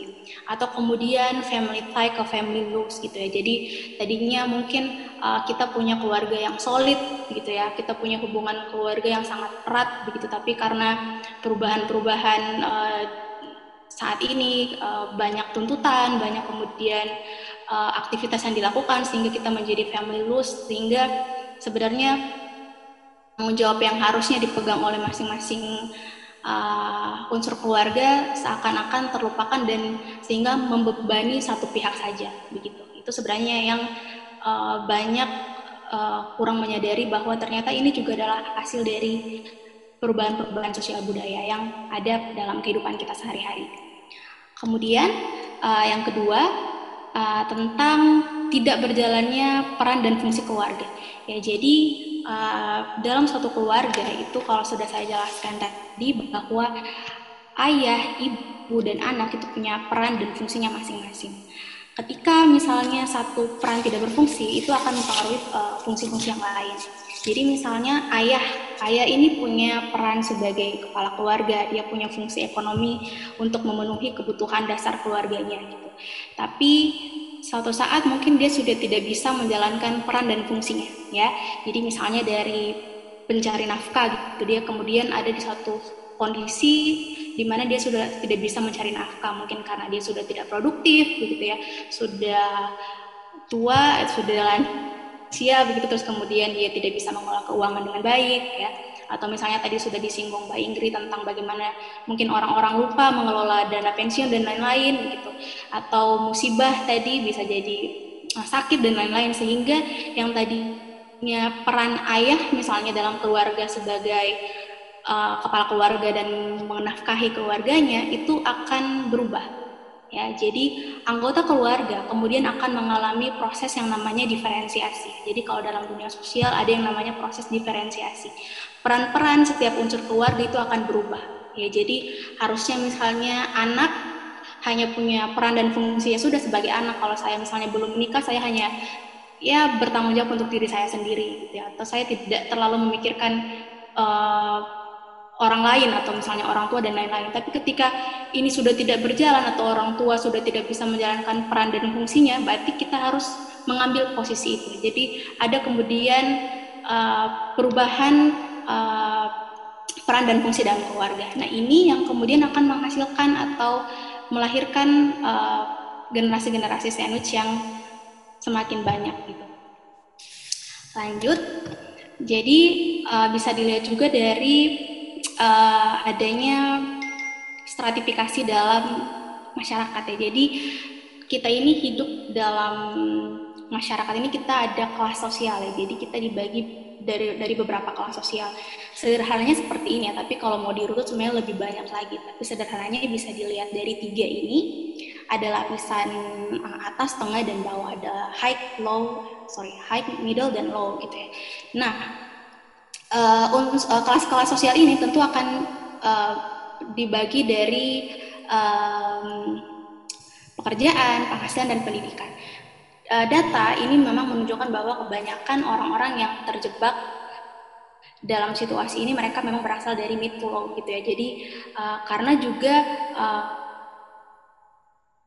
yang diberikan oleh orang tua, kebanyakan uh, masyarakat atau golongan yang berada atau berasal dari lapisan bawah, kalau kami menyebutnya menyebutnya itu lapisan atau sorry uh, kategori pekerja, jadi uh, keluarga kebanyakan mereka kalau dari pelapisan bawah mereka tidak kemudian mensosialisasikan kepada anak bahwa oke okay, kamu harus sekolah yang uh, tinggi begitu ya. Atau kamu harus kemudian memikirkan masa depan kamu dan lain-lain. Sehingga kalau mereka berada situasi sekarang mereka sudah uh, bekerja terus kemudian mereka harus menghidupi orang tua yang terjadi adalah kaget. Jadi, karena mereka memang tidak mendapatkan sosialisasi itu dari awal gitu atau misalnya kalau kita naik ke mid uh, level uh, sebenarnya mereka sudah mendapatkan sosialisasi dari keluarga tapi banyak kemudian kalau saya sharing dengan teman-teman saya Uh, kebanyakan teman-teman saya yang berada di situasi ini mereka waktu kuliah di semester akhir itu sudah tidak dibiayai oleh keluarga.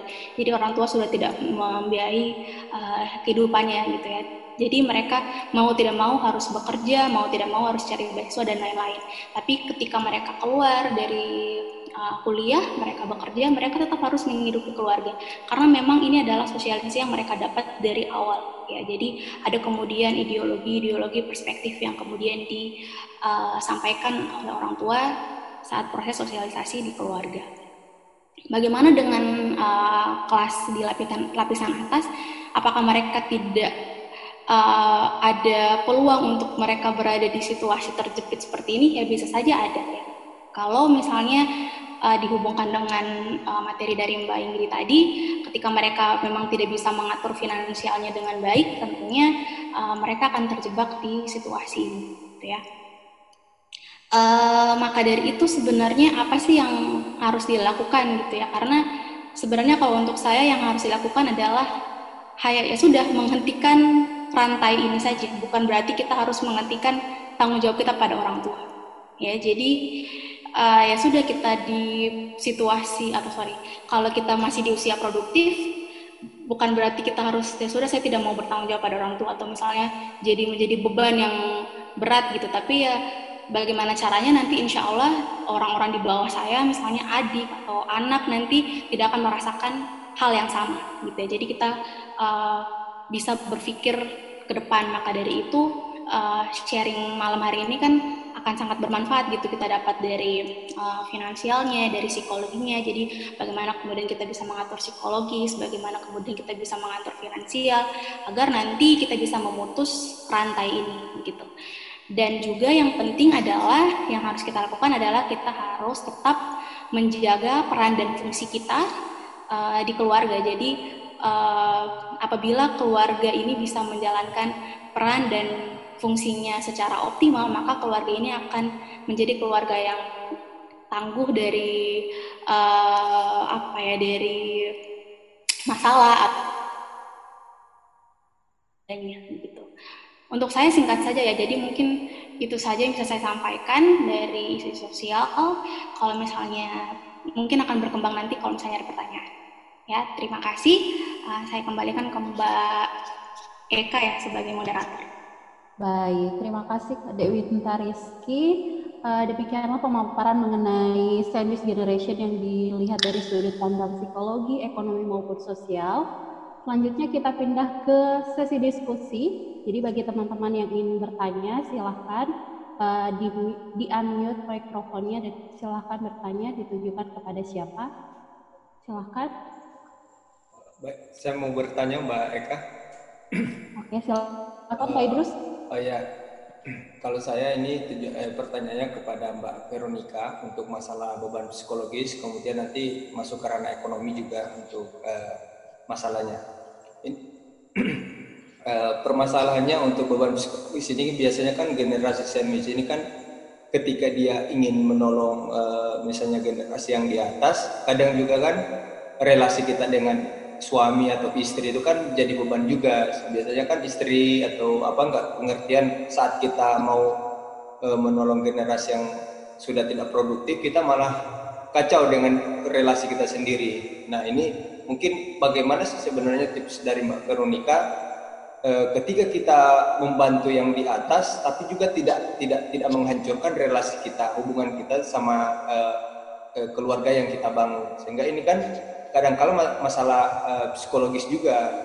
Satu maunya gini akhirnya kacau. Kira-kira mungkin dari segi keluarga uh, psikologisnya seperti apa sehingga bisa dijalani bersama.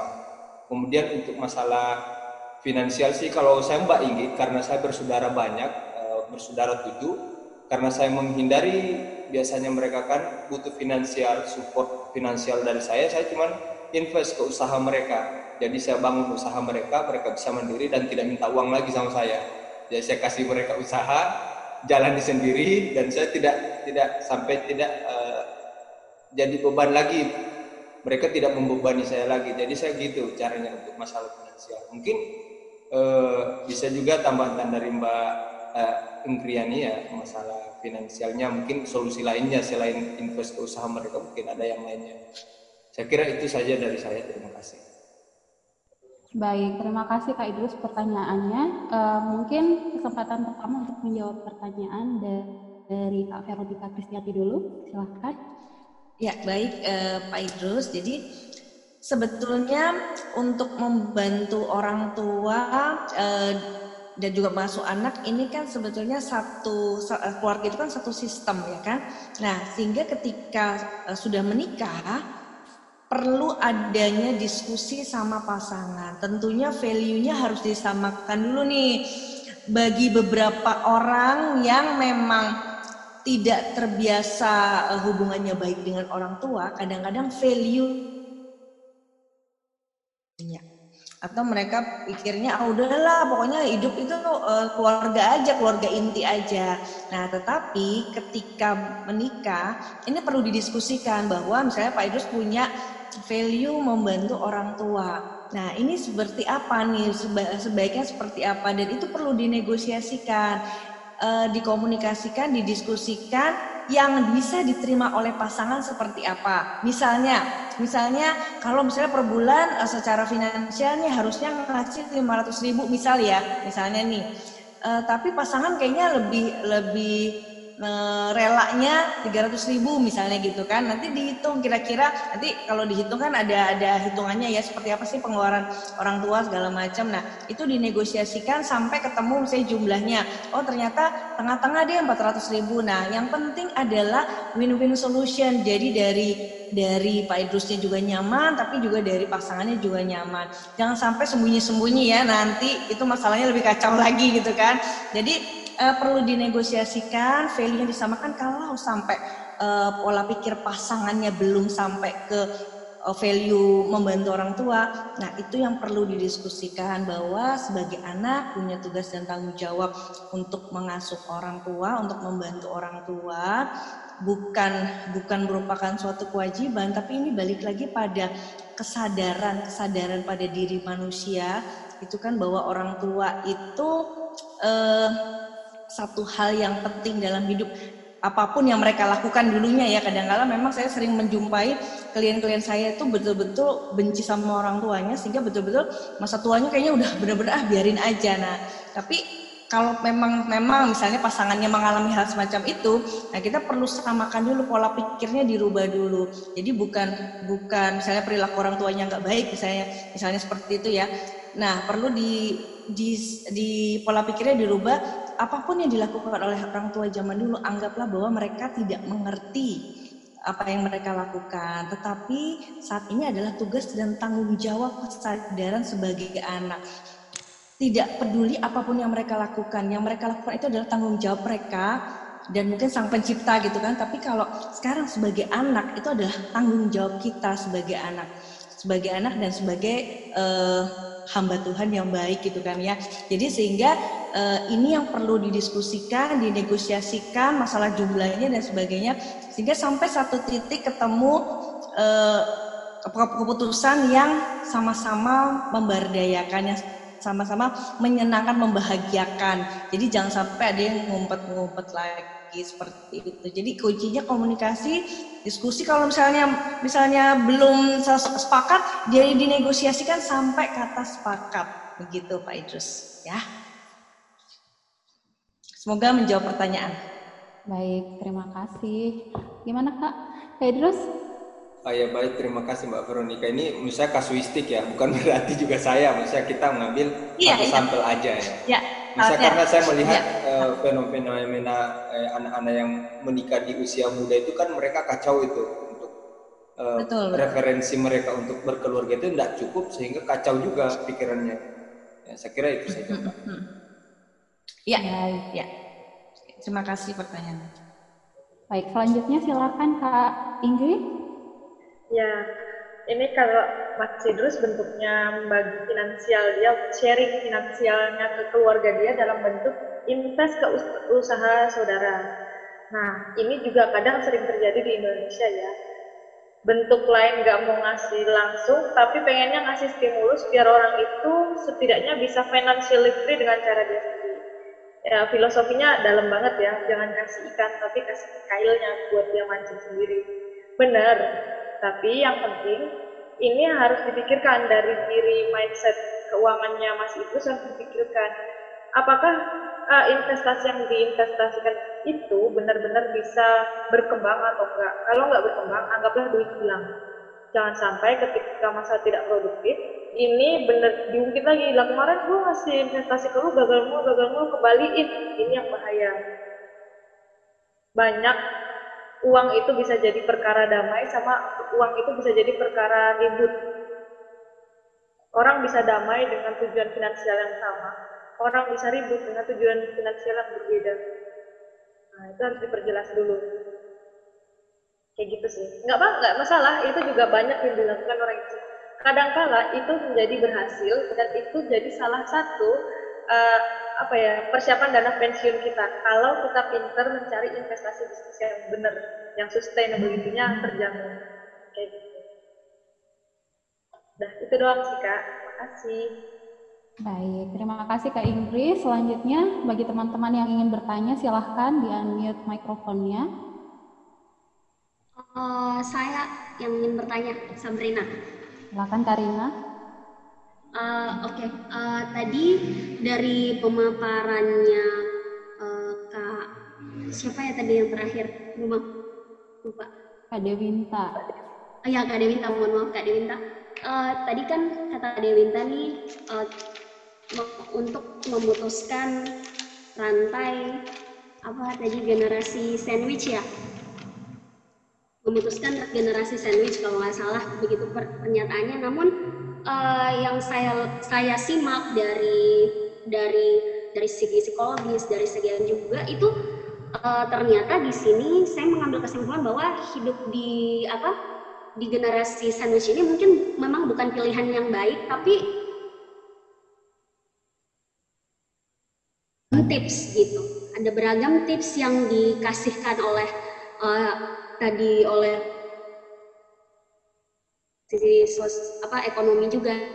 Nah, apakah uh, kita memang harus betul-betul memutuskan rantai ini biar biar hidup kita bahagia gitu? Karena ini masalahnya kebahagiaan ya kesejahteraan diri. Uh, itu pertanyaan pertama uh, yang ingin saya tuju kepada semua pemateri. Dan kemudian uh, yang yang apa ya yang kedua itu adalah tentang apakah Hmm, dan budaya itu menentukan rentannya uh, apa ya stres atau um, generasi sandwich ini berlangsung kelas sosial dan dan uh, dan budaya gitu.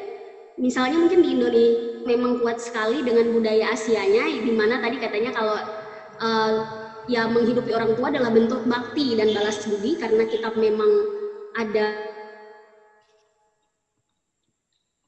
Rika yang yang sebenarnya budayanya bukan seperti itu juga ternyata apa rentan, rentan juga gitu. Atau kelas sosial apakah memang kalau orang kaya bisa bebas dari uh, kerentanan masalah masalah ini?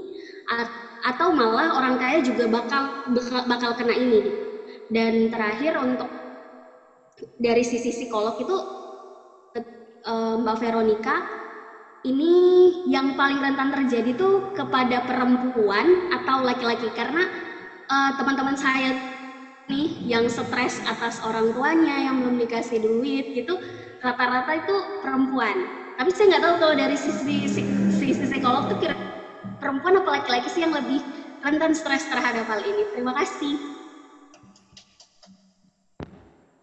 Baik, terima kasih Kak Rina. Uh, dipersilakan kepada narasumber untuk menjawab pertanyaan yang pertama. Pertanyaan pertama ditujukan untuk seluruh narasumber ya, yang tentang cara memutuskan uh, generasi sandwich ini. Silakan mungkin Kak Veronica dulu.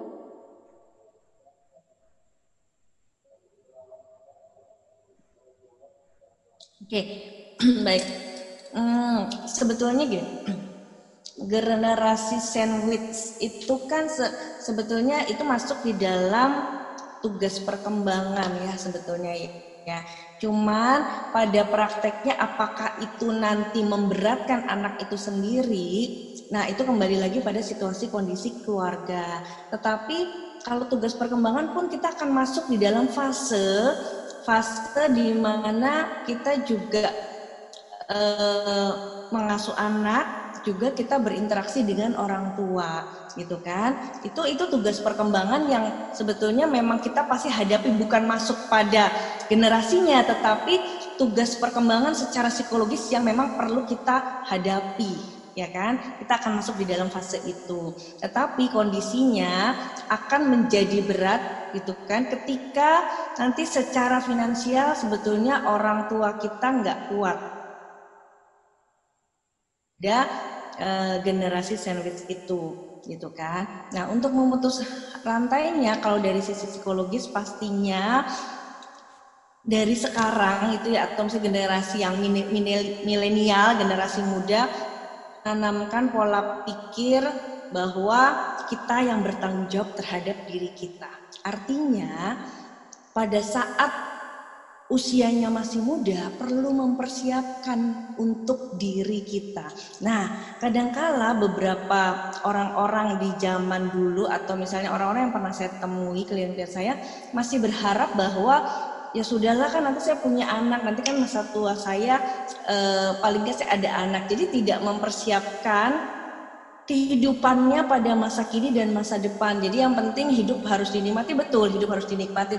Tapi perlu ada persiapan di mana nanti pada masa depan betul-betul bertanggung tetap bertanggung jawab terhadap diri kecuali kalau memang sudah sakit banget gitu ya dan tidak bisa apa-apa tapi pasti kan ada investasi-investasi khusus yang mungkin nanti bisa dipelajari dari Mbak Ingrid. Jadi kalau untuk memutus uh, mata rantainya membe memberatkan uh, anak gitu kan ya pastinya pola pola pikirnya harus dibentuk dari sekarang bertanggung jawab pada diri betul-betul dipersiapkan masa tua terutama secara finansial. Kalau secara kesehatan ya juga dipersiapkan. Artinya eh, segala sesuatu itu perlu disadari. Dari makanan disadari dari olahraga juga disadari sehingga paling tidak kesehatan kita tuh kalaupun memang tua ya memang tua itu sudah pasti ya tapi tidak memberatkan orang lain itu karena tanggung jawab balik kepada diri sendiri.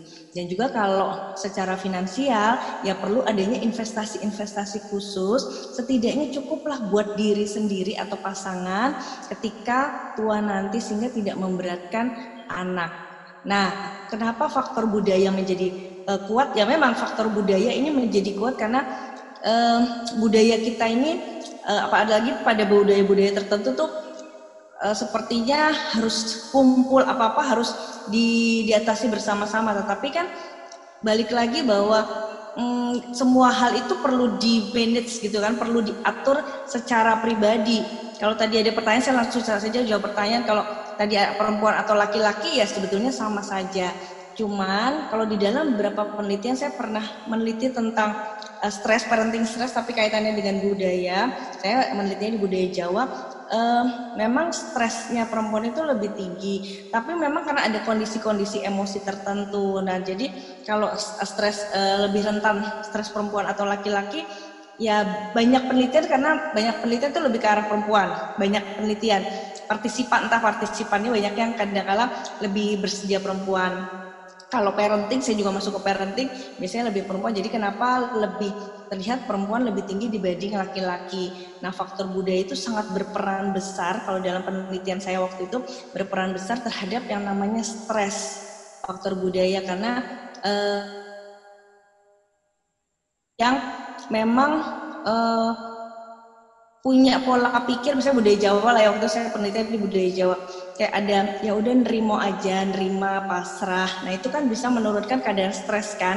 Nah budaya-budaya itu sebetulnya membantu untuk uh, menurunkan kadar-kadar stres. Seperti itu. Jadi balik lagi ya uh, balik lagi bahwa kita yang bertanggung jawab pada diri kalau untuk memutus mata rantai ya balik lagi kepada diri kita untuk supaya bisa mempersiapkan diri kita saat ini dan ke depannya. Masalah perempuan dan laki-laki itu sebetulnya hampir sama, tapi karena penelitian banyak yang kaitannya dengan perempuan, ya jadi kelihatannya memang perempuan yang lebih tinggi dan memang secara emosi perempuan yang lebih tinggi, tapi perempuan dan laki-laki tetap saja di dalam generasi sandwich ini betul-betul perlu mempersiapkan pasangan laki dan perempuan betul-betul harus mempersiapkan kehidupannya masa kini dan kelak seperti itu. Baik, terima kasih Kak Veronica Kristiani. Selanjutnya kita ke Kak Ingrid, silahkan Kak. Kalau tadi upaya ya tips-tipsnya kan banyak banget. Yang jelas eh, kalau secara finansial, apalagi yang saya bisa katakan selain finansial di sini, jelas kita harus merencanakan dengan baik terutama kalau memang kita ada banyak nah mungkin saya cuma share tiga tips yang paling mungkin kita bisa lakukan ya punya asuransi yang bisa memproteksi pensiun kita. Terus yang kedua kita berinvestasi di bisnis yang kita kuasai dan dipastikan bisa sustain.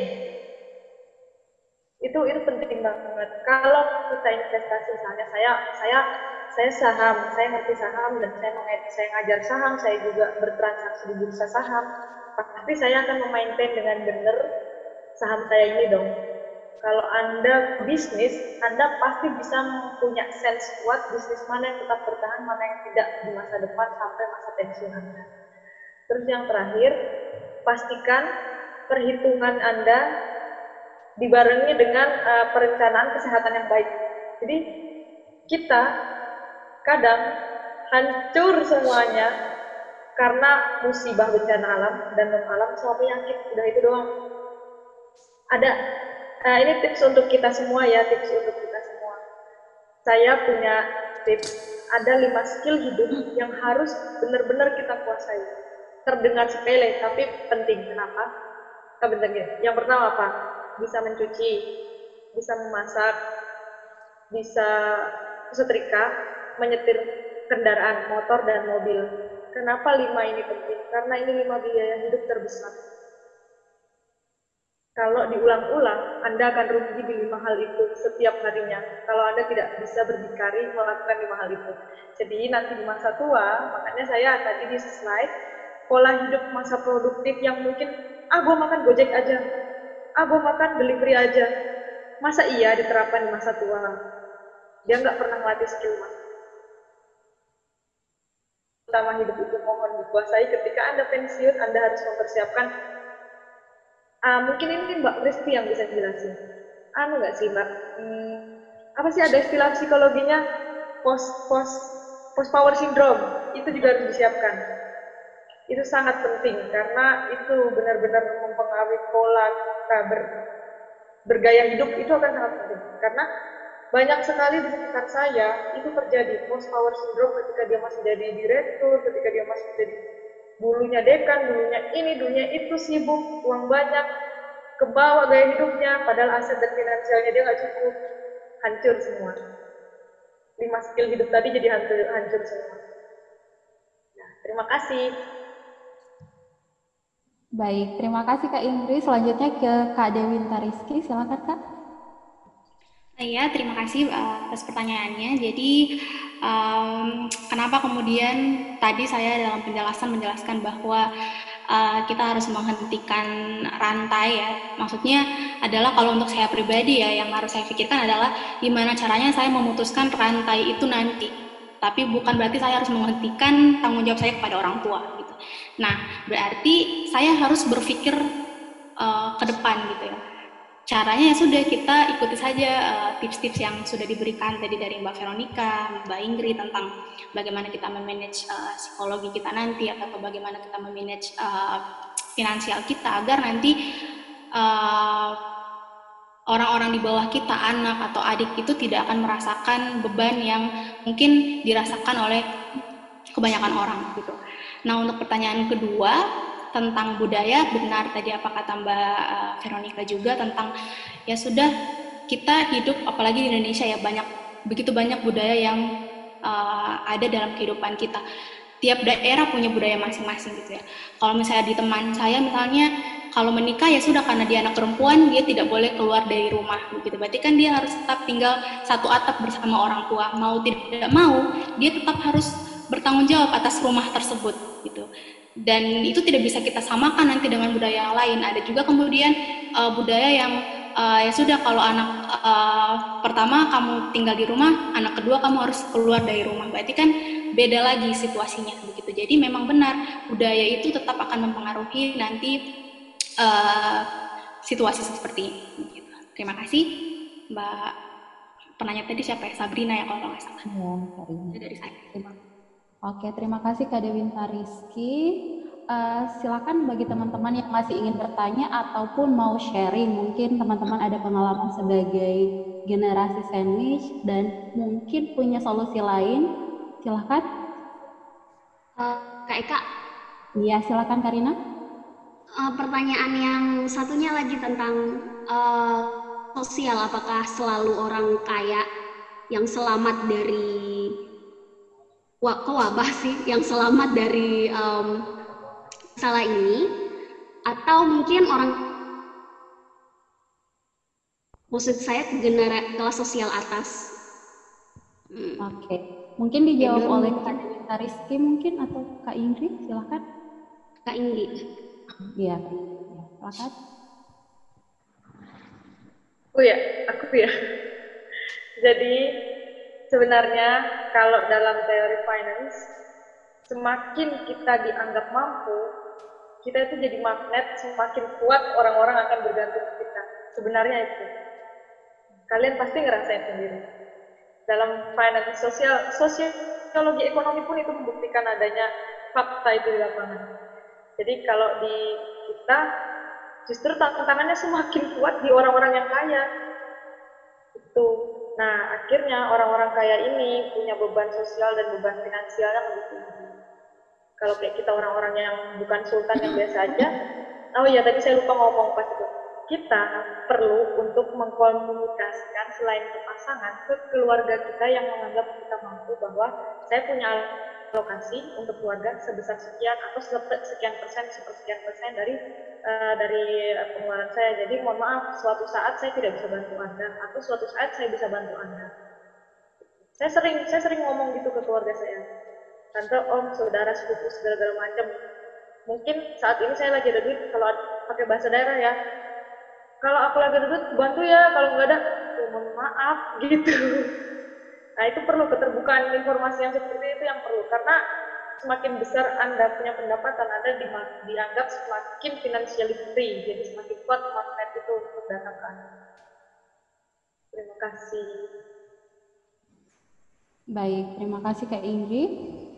Uh, masih ada lagi yang ingin bertanya atau sharing? Silakan kakak-kakak.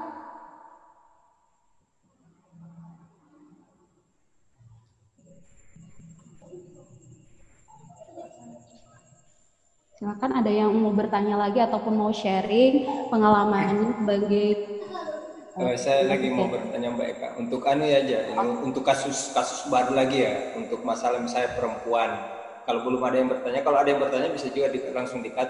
Tapi kalau belum ada, saya mungkin mengisi untuk pertanyaan ini juga penting menurut saya.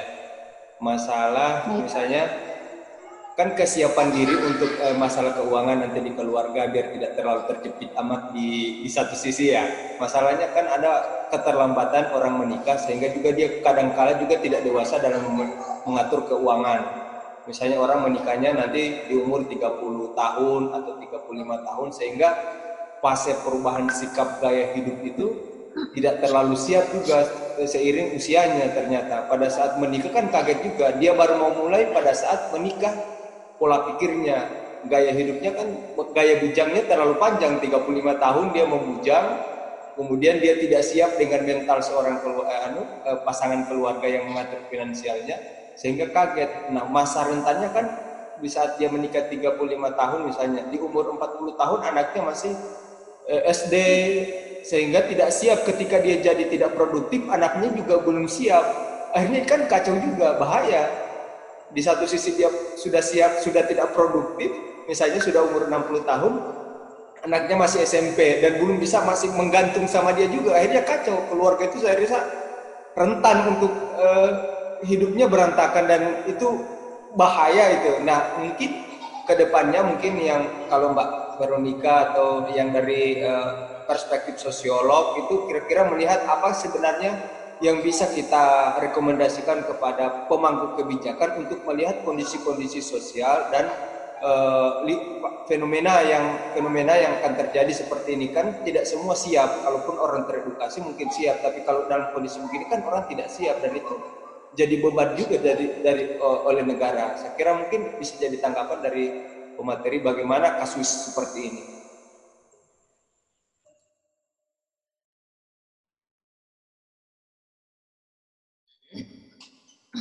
Baik, silakan Kak.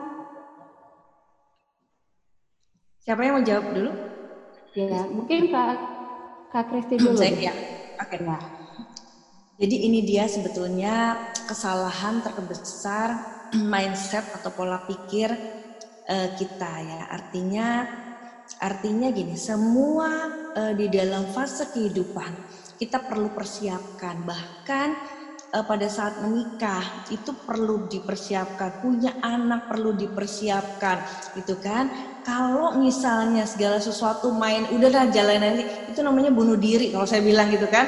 Artinya uh, itu nggak pakai planning, nggak pakai planning, nggak nggak disadari betul kehidupan ini. Padahal semua hal yang setelah saya pelajari dan saya ketemu semua hal sekecil-kecilnya itu perlu dipersiapkan dan perlu diajari tugasnya adalah siapa? Yang tugasnya bukannya pemerintah. Kalau pemerintah e, terlalu banyak urusannya, tapi sebetulnya dari keluarga, dari orang tua.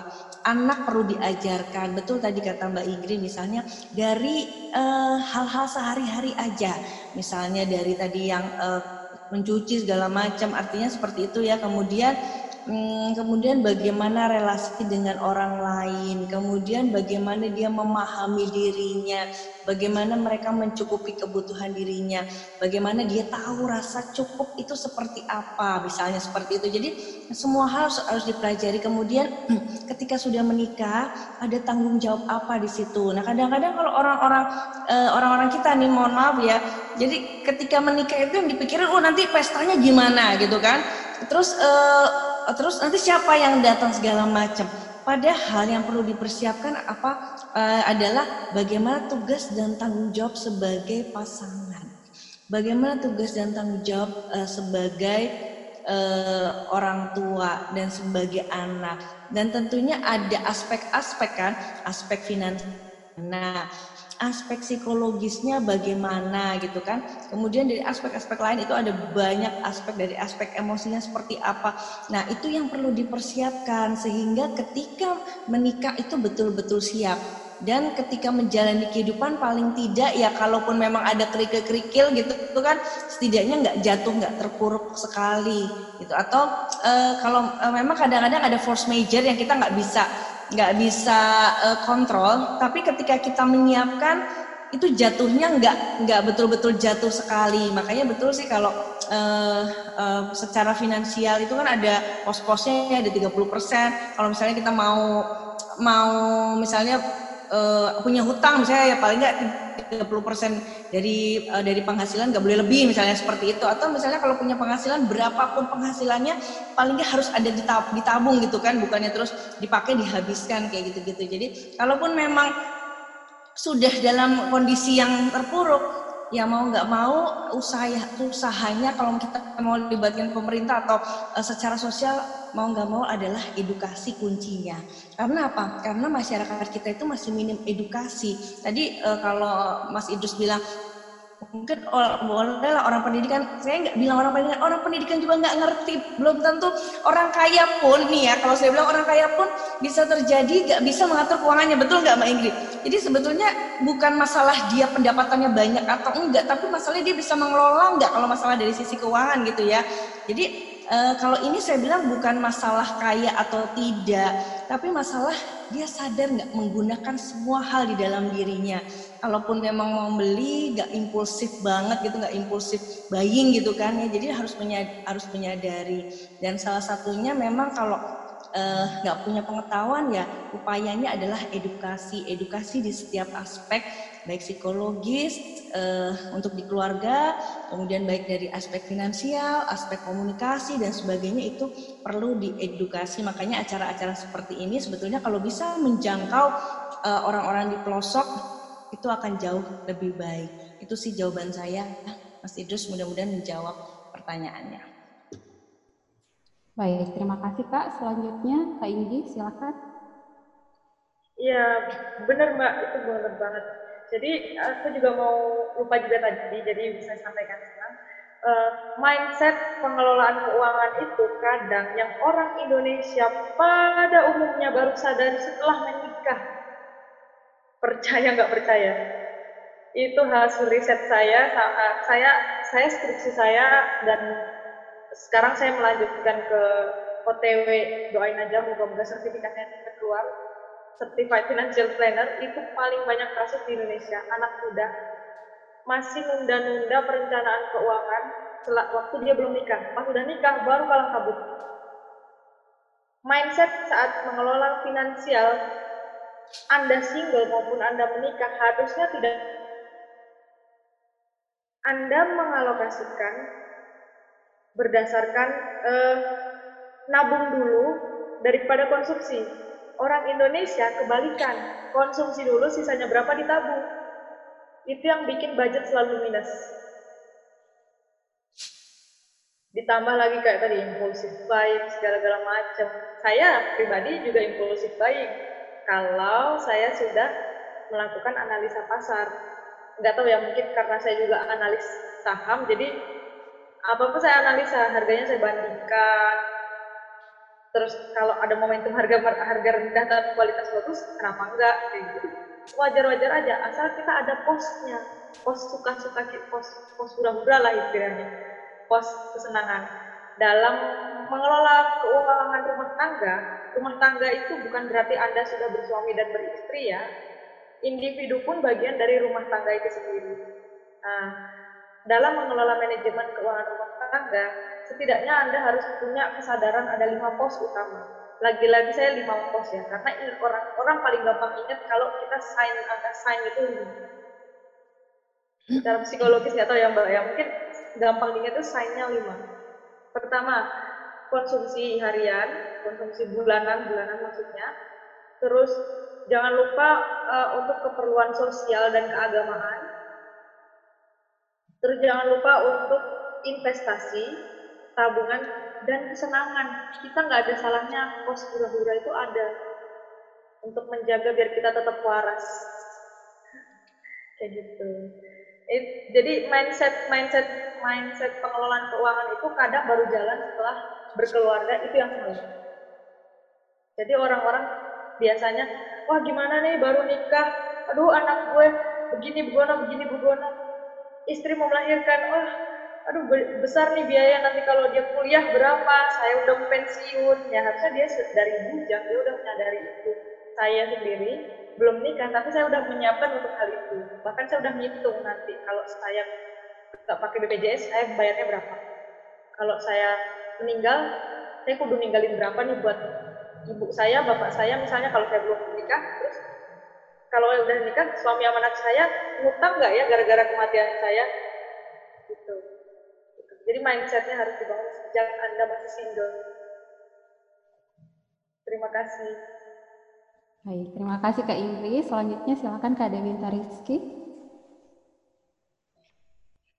Uh, baik, kalau untuk saya langsung saja ke pertanyaan yang apa kemudian yang bisa di rekomendasikan dari pemerintah gitu ya, ya karena memang saya uh, backgroundnya begitu ya walaupun memang ini adalah hal yang standar tapi ya ini yang harus dilakukan ya. Yang pertama tentang bagaimana kemudian lapangan kerja yang harus diberikan oleh pemerintah terutama untuk uh, milenial ya. Jadi bukan hanya kemudian uh, karena kebanyakan sekarang dunia pekerjaan itu meminta adanya pengalaman standar pendidikan dan lain-lain. Padahal sebenarnya uh, itu adalah tanggung jawab pun pemerintah berkoar-koar wajib sekolah SD, SMP, SMA, tapi kan kebanyakan untuk masyarakat terutama di pedesaan ya mereka ya sudah kamu bantu orang tua di sawah atau apa, tapi kan itu sebenarnya perlu dilakukan agar itu sebagai modal mereka nanti ketika mereka dewasa. Kemudian juga skill yang harus diberikan oleh pemerintah kepada uh, anak muda yang milenial, bagaimana kemudian mereka bisa survive nanti di dunia uh, pekerjaan atau dunia global saat ini. Itu aja itu aja dari saya. Terima kasih. Terima kasih Kak Dewi Rizky. Mungkin ini pertanyaan terakhir dari Kak Mudi atau V. Uh, bagaimana orang ketika single dia dia teratur mengelola keuangan, super hemat sekali dan lain-lain. Tapi pas menikah dan ada anak seperti kalang kabut dan beli segala kebutuhan berdasarkan emosional atau atau kebutuhan anak. Mungkin ini pertanyaan ditujukan untuk Kak Indi. Ya, ini juga sering terjadi di Indonesia dan, dan banyak yang berkonsultasi dengan saya juga tentang ini. Biasanya ini terjadi, makanya kita penting namanya dana darurat, itu dia. Mau punya anak, kayak kata Mbak Veronica, mau punya anak itu direncanakan, mau menikah direncanakan, penting banget ngobrol kamu posisinya di keluarga besarmu apa saya posisinya di keluarga besar apa. Sehingga pos-pos yang kalian berdua suami istri sudah buat itu tidak bocor ke mana-mana. Ada dana yang bersama untuk benar-benar keluarga itu sendiri ada dana yang bisa dibagi untuk orang lain gitu. itu sih tipsnya sesimpel itu. Meskipun caranya cara mengontrol mind konsumtif kita itu berbeda-beda Cuman kalau kita bisa mengatur diri kita dengan dua hal itu tadi, ada pos yang benar untuk keluarga, ada pos yang benar-benar untuk keperluan mendadak, dana darurat dan bisa dibagi ke orang lain. Kayak gitu. Terima kasih. Oke, Mungkin dari sisi psikologisnya ada, soalnya ini benar banget iya. loh. Kadang perubahan psikologis mendadak itu mengganggu banget masalah finansial. Iya, mungkin silakan Kak Kristi. Ya. Kan? Sebetulnya kan intinya bagaimana kita bisa beradaptasi dengan semua situasi. Jadi kenapa bisa kalang kabut? Terjadi kalang kabut karena e, tidak berusaha menyesuaikan. Jadi pertamanya tidak ada persiapan, kedua tidak di e, tidak tidak ada persiapan, kemudian tidak beradaptasi dengan situasi. Misalnya tidak berpikir ulang bahwa kalau dulu sendiri menghabiskan segini, kalau bareng-bareng segini, tapi berarti kan harus ada pos yang dikurangin. Nah, sebetulnya ada mindful uh, mindful di dalam membeli sesuatu itu bisa dipelajari. Jadi artinya kita kita tanyakan lagi kepada kepada diri kita. Kadang-kadang kita pengen beli segala macam buat kebutuhan anak, tapi balik lagi sebetulnya ini kebutuhan kebutuhan yang urgent enggak? Ini penting enggak? Ini ini betul buat anak ataukah untuk memuaskan diri saya gitu. Kadang-kadang kan gini, aduh ini uh, menurut siapa, ukuran siapa. Bisa terjadi bagus karena saya yang suka, tapi balik lagi anak ini butuh nggak? Enggak ternyata. Atau misalnya kita pengen beli yang mahal, anak ini butuh nggak yang mahal. Enggak yang pengen itu adalah saya gitu kan. Nah itu kan jadi uh, kita perlu sadari semua hal. Kadang-kala kita kalang kabut jadi jadi kacau gitu kan jadi impulsif buying karena ada ketidaksadaran-ketidaksadaran yang telah kita lakukan. Begitu pula dengan adanya makanan ya tadi yang misalnya gojek segala macam kadang-kala coba aja deh kita perhatiin kalau misalnya kita pakai teorinya mindful eating aja.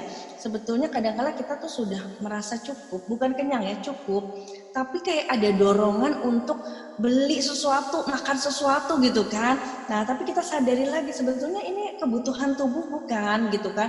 Kalau bukan kebutuhan tubuh ya sudah kita stop di situ. Nanti kita mau makan atau kita membeli sesuatu untuk periode kita lapar berikutnya gitu kan. Atau tadi kalau misalnya kita memang pengen beli untuk anak kita ya untuk periode kalau memang anak kita membutuhkan pada saat berikutnya gitu jadi itu namanya kita bisa menyadari semua kebutuhan diri kita dan kebutuhan keluarga kita sehingga uh, betul-betul nggak nggak ada yang namanya impulsif buying. Jadi kalaupun memang sudah dialokasi untuk tabungan itu dulu yang diutamakan. Terus saya juga masih belajar sebetulnya kalau masalah finansial saya masih belajar makanya saya juga banyak ikut-ikut uh, seminar tentang uh, finansial karena saya juga uh, belajar ternyata memang semua hal itu perlu dipelajari sekecil-kecilnya. Begitu ya. Mudah-mudahan menjawab pertanyaan. Oke, terima kasih Kak Veronica Kristiani. Ini ada di chat box masih ada dua penanya lagi. Gimana Kak sedianya? Waktunya udah lewat sebenarnya. Masih bisa Kak? Bisa, bisa. bisa. Masih seru nggak? Ini masih silakan. ada banyak penanya. Gak apa-apa, silakan.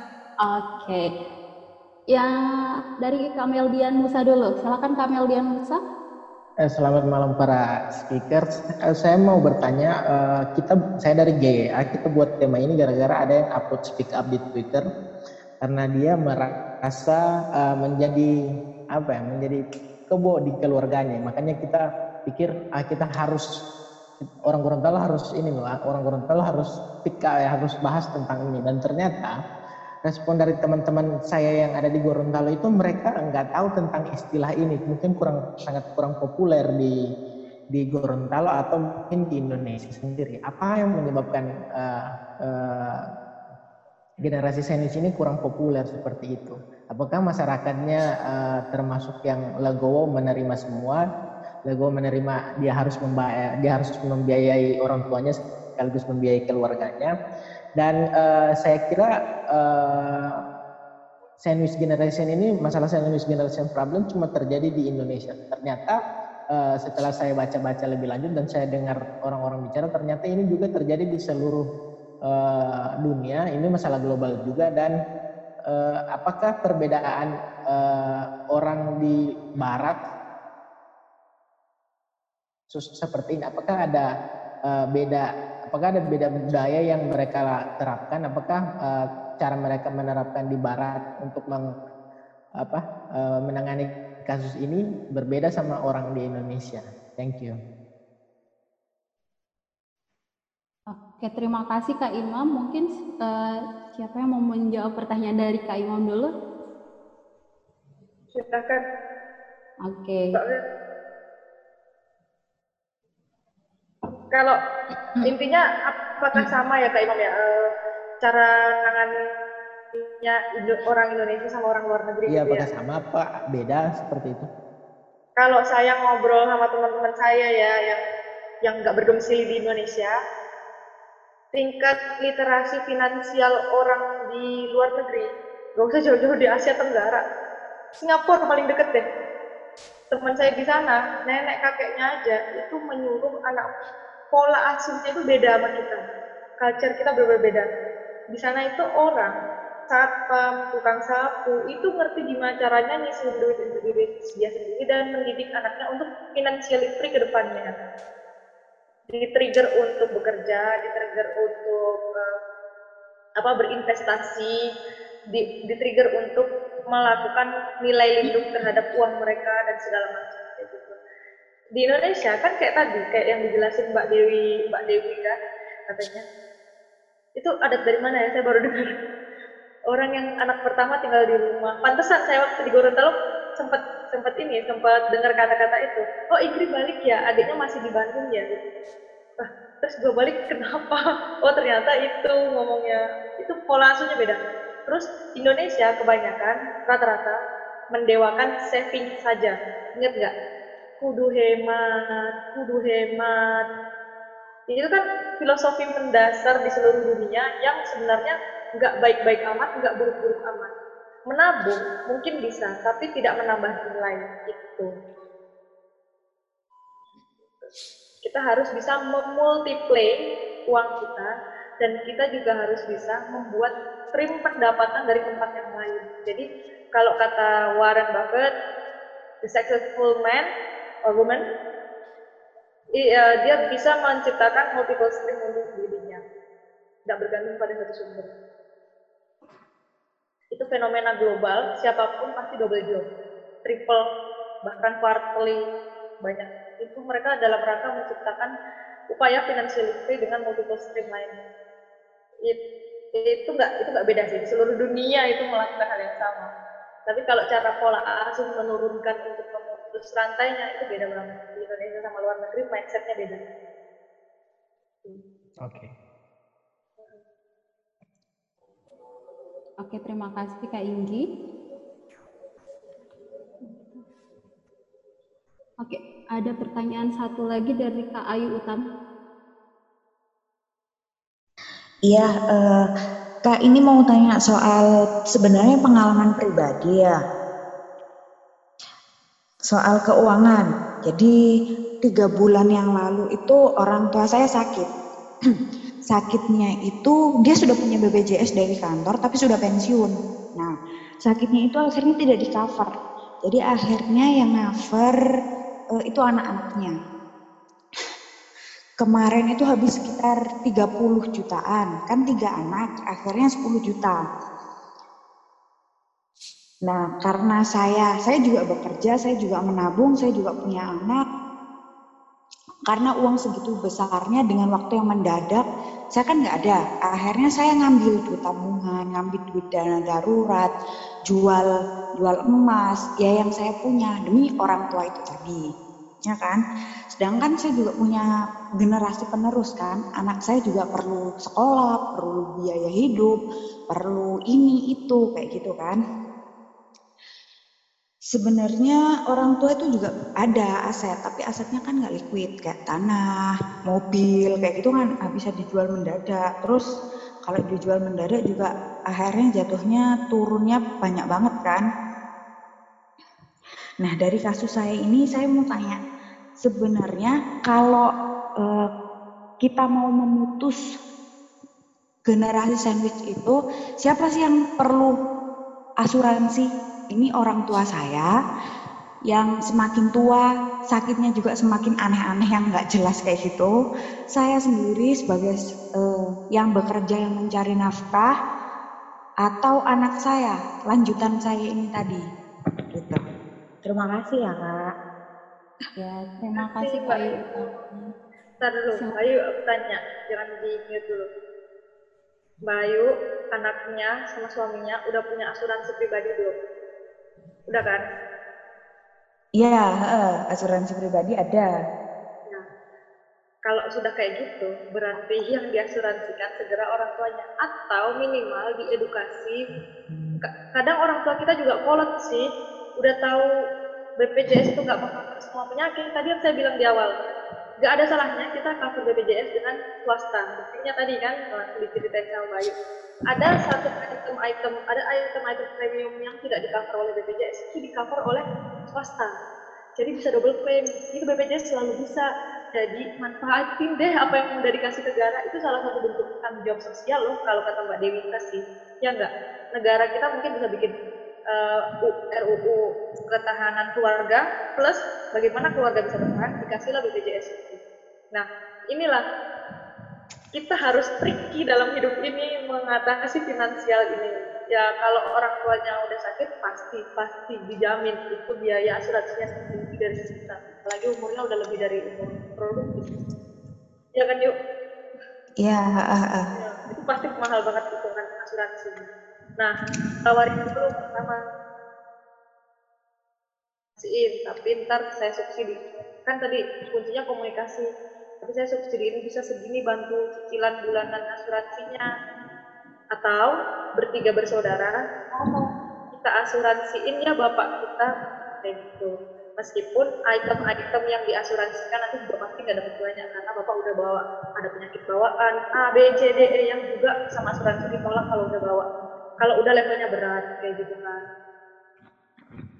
Iya, iya. Tapi at least Anda dan kakak atau adik Anda yang bertiga itu punya perlindungan untuk orang tua kalau mendadak orang tua Anda sakit lagi double claim itu ada kayak gitu. Jadi anak udah, suami udah, diri udah, ya orang tua caranya ngomong ke orang tua bar- berbagi premi dengan orang tua atau berbagi premi dengan kakak adik.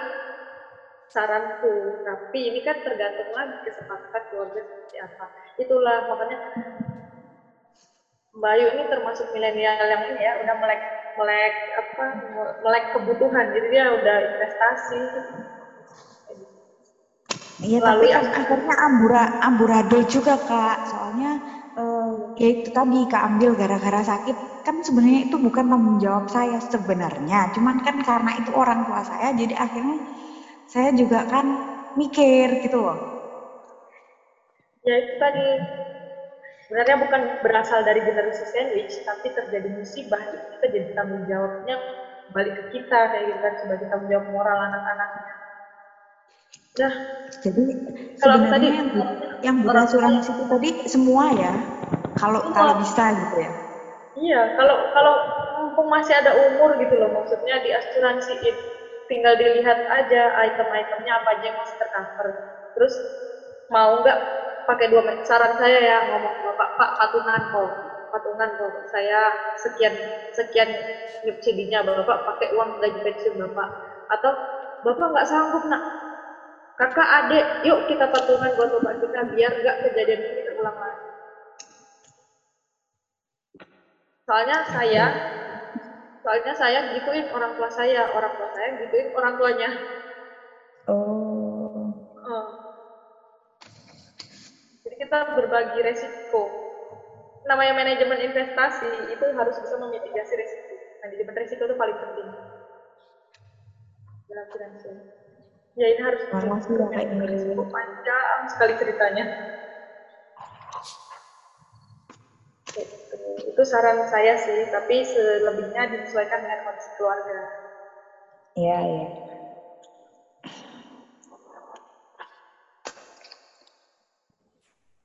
Oke, terima kasih Kak Ayu. Saya rasa itu pertanyaan terakhir ya, soalnya kita sudah lewat 19 menit. Oke, eh, saya rasa cukup. Terima kasih saya ucapkan untuk eh, seluruh teman kakak-kakak sekalian yang sempat hadir di diskusi daring pada malam hari ini. Eh, bagi kakak-kakak sekalian yang mungkin belum eh, uh, belum menyaksikan atau belum uh, sempat mengikuti diskusi-diskusi daring yang dari Gorontalo Youth Assembly bisa mungkin diakses di GYR Radio ya Kak Idrus ya dan juga bisa di follow uh, akun Instagramnya Gorontalo Youth Assembly untuk update-update diskusi daring yang akan datang.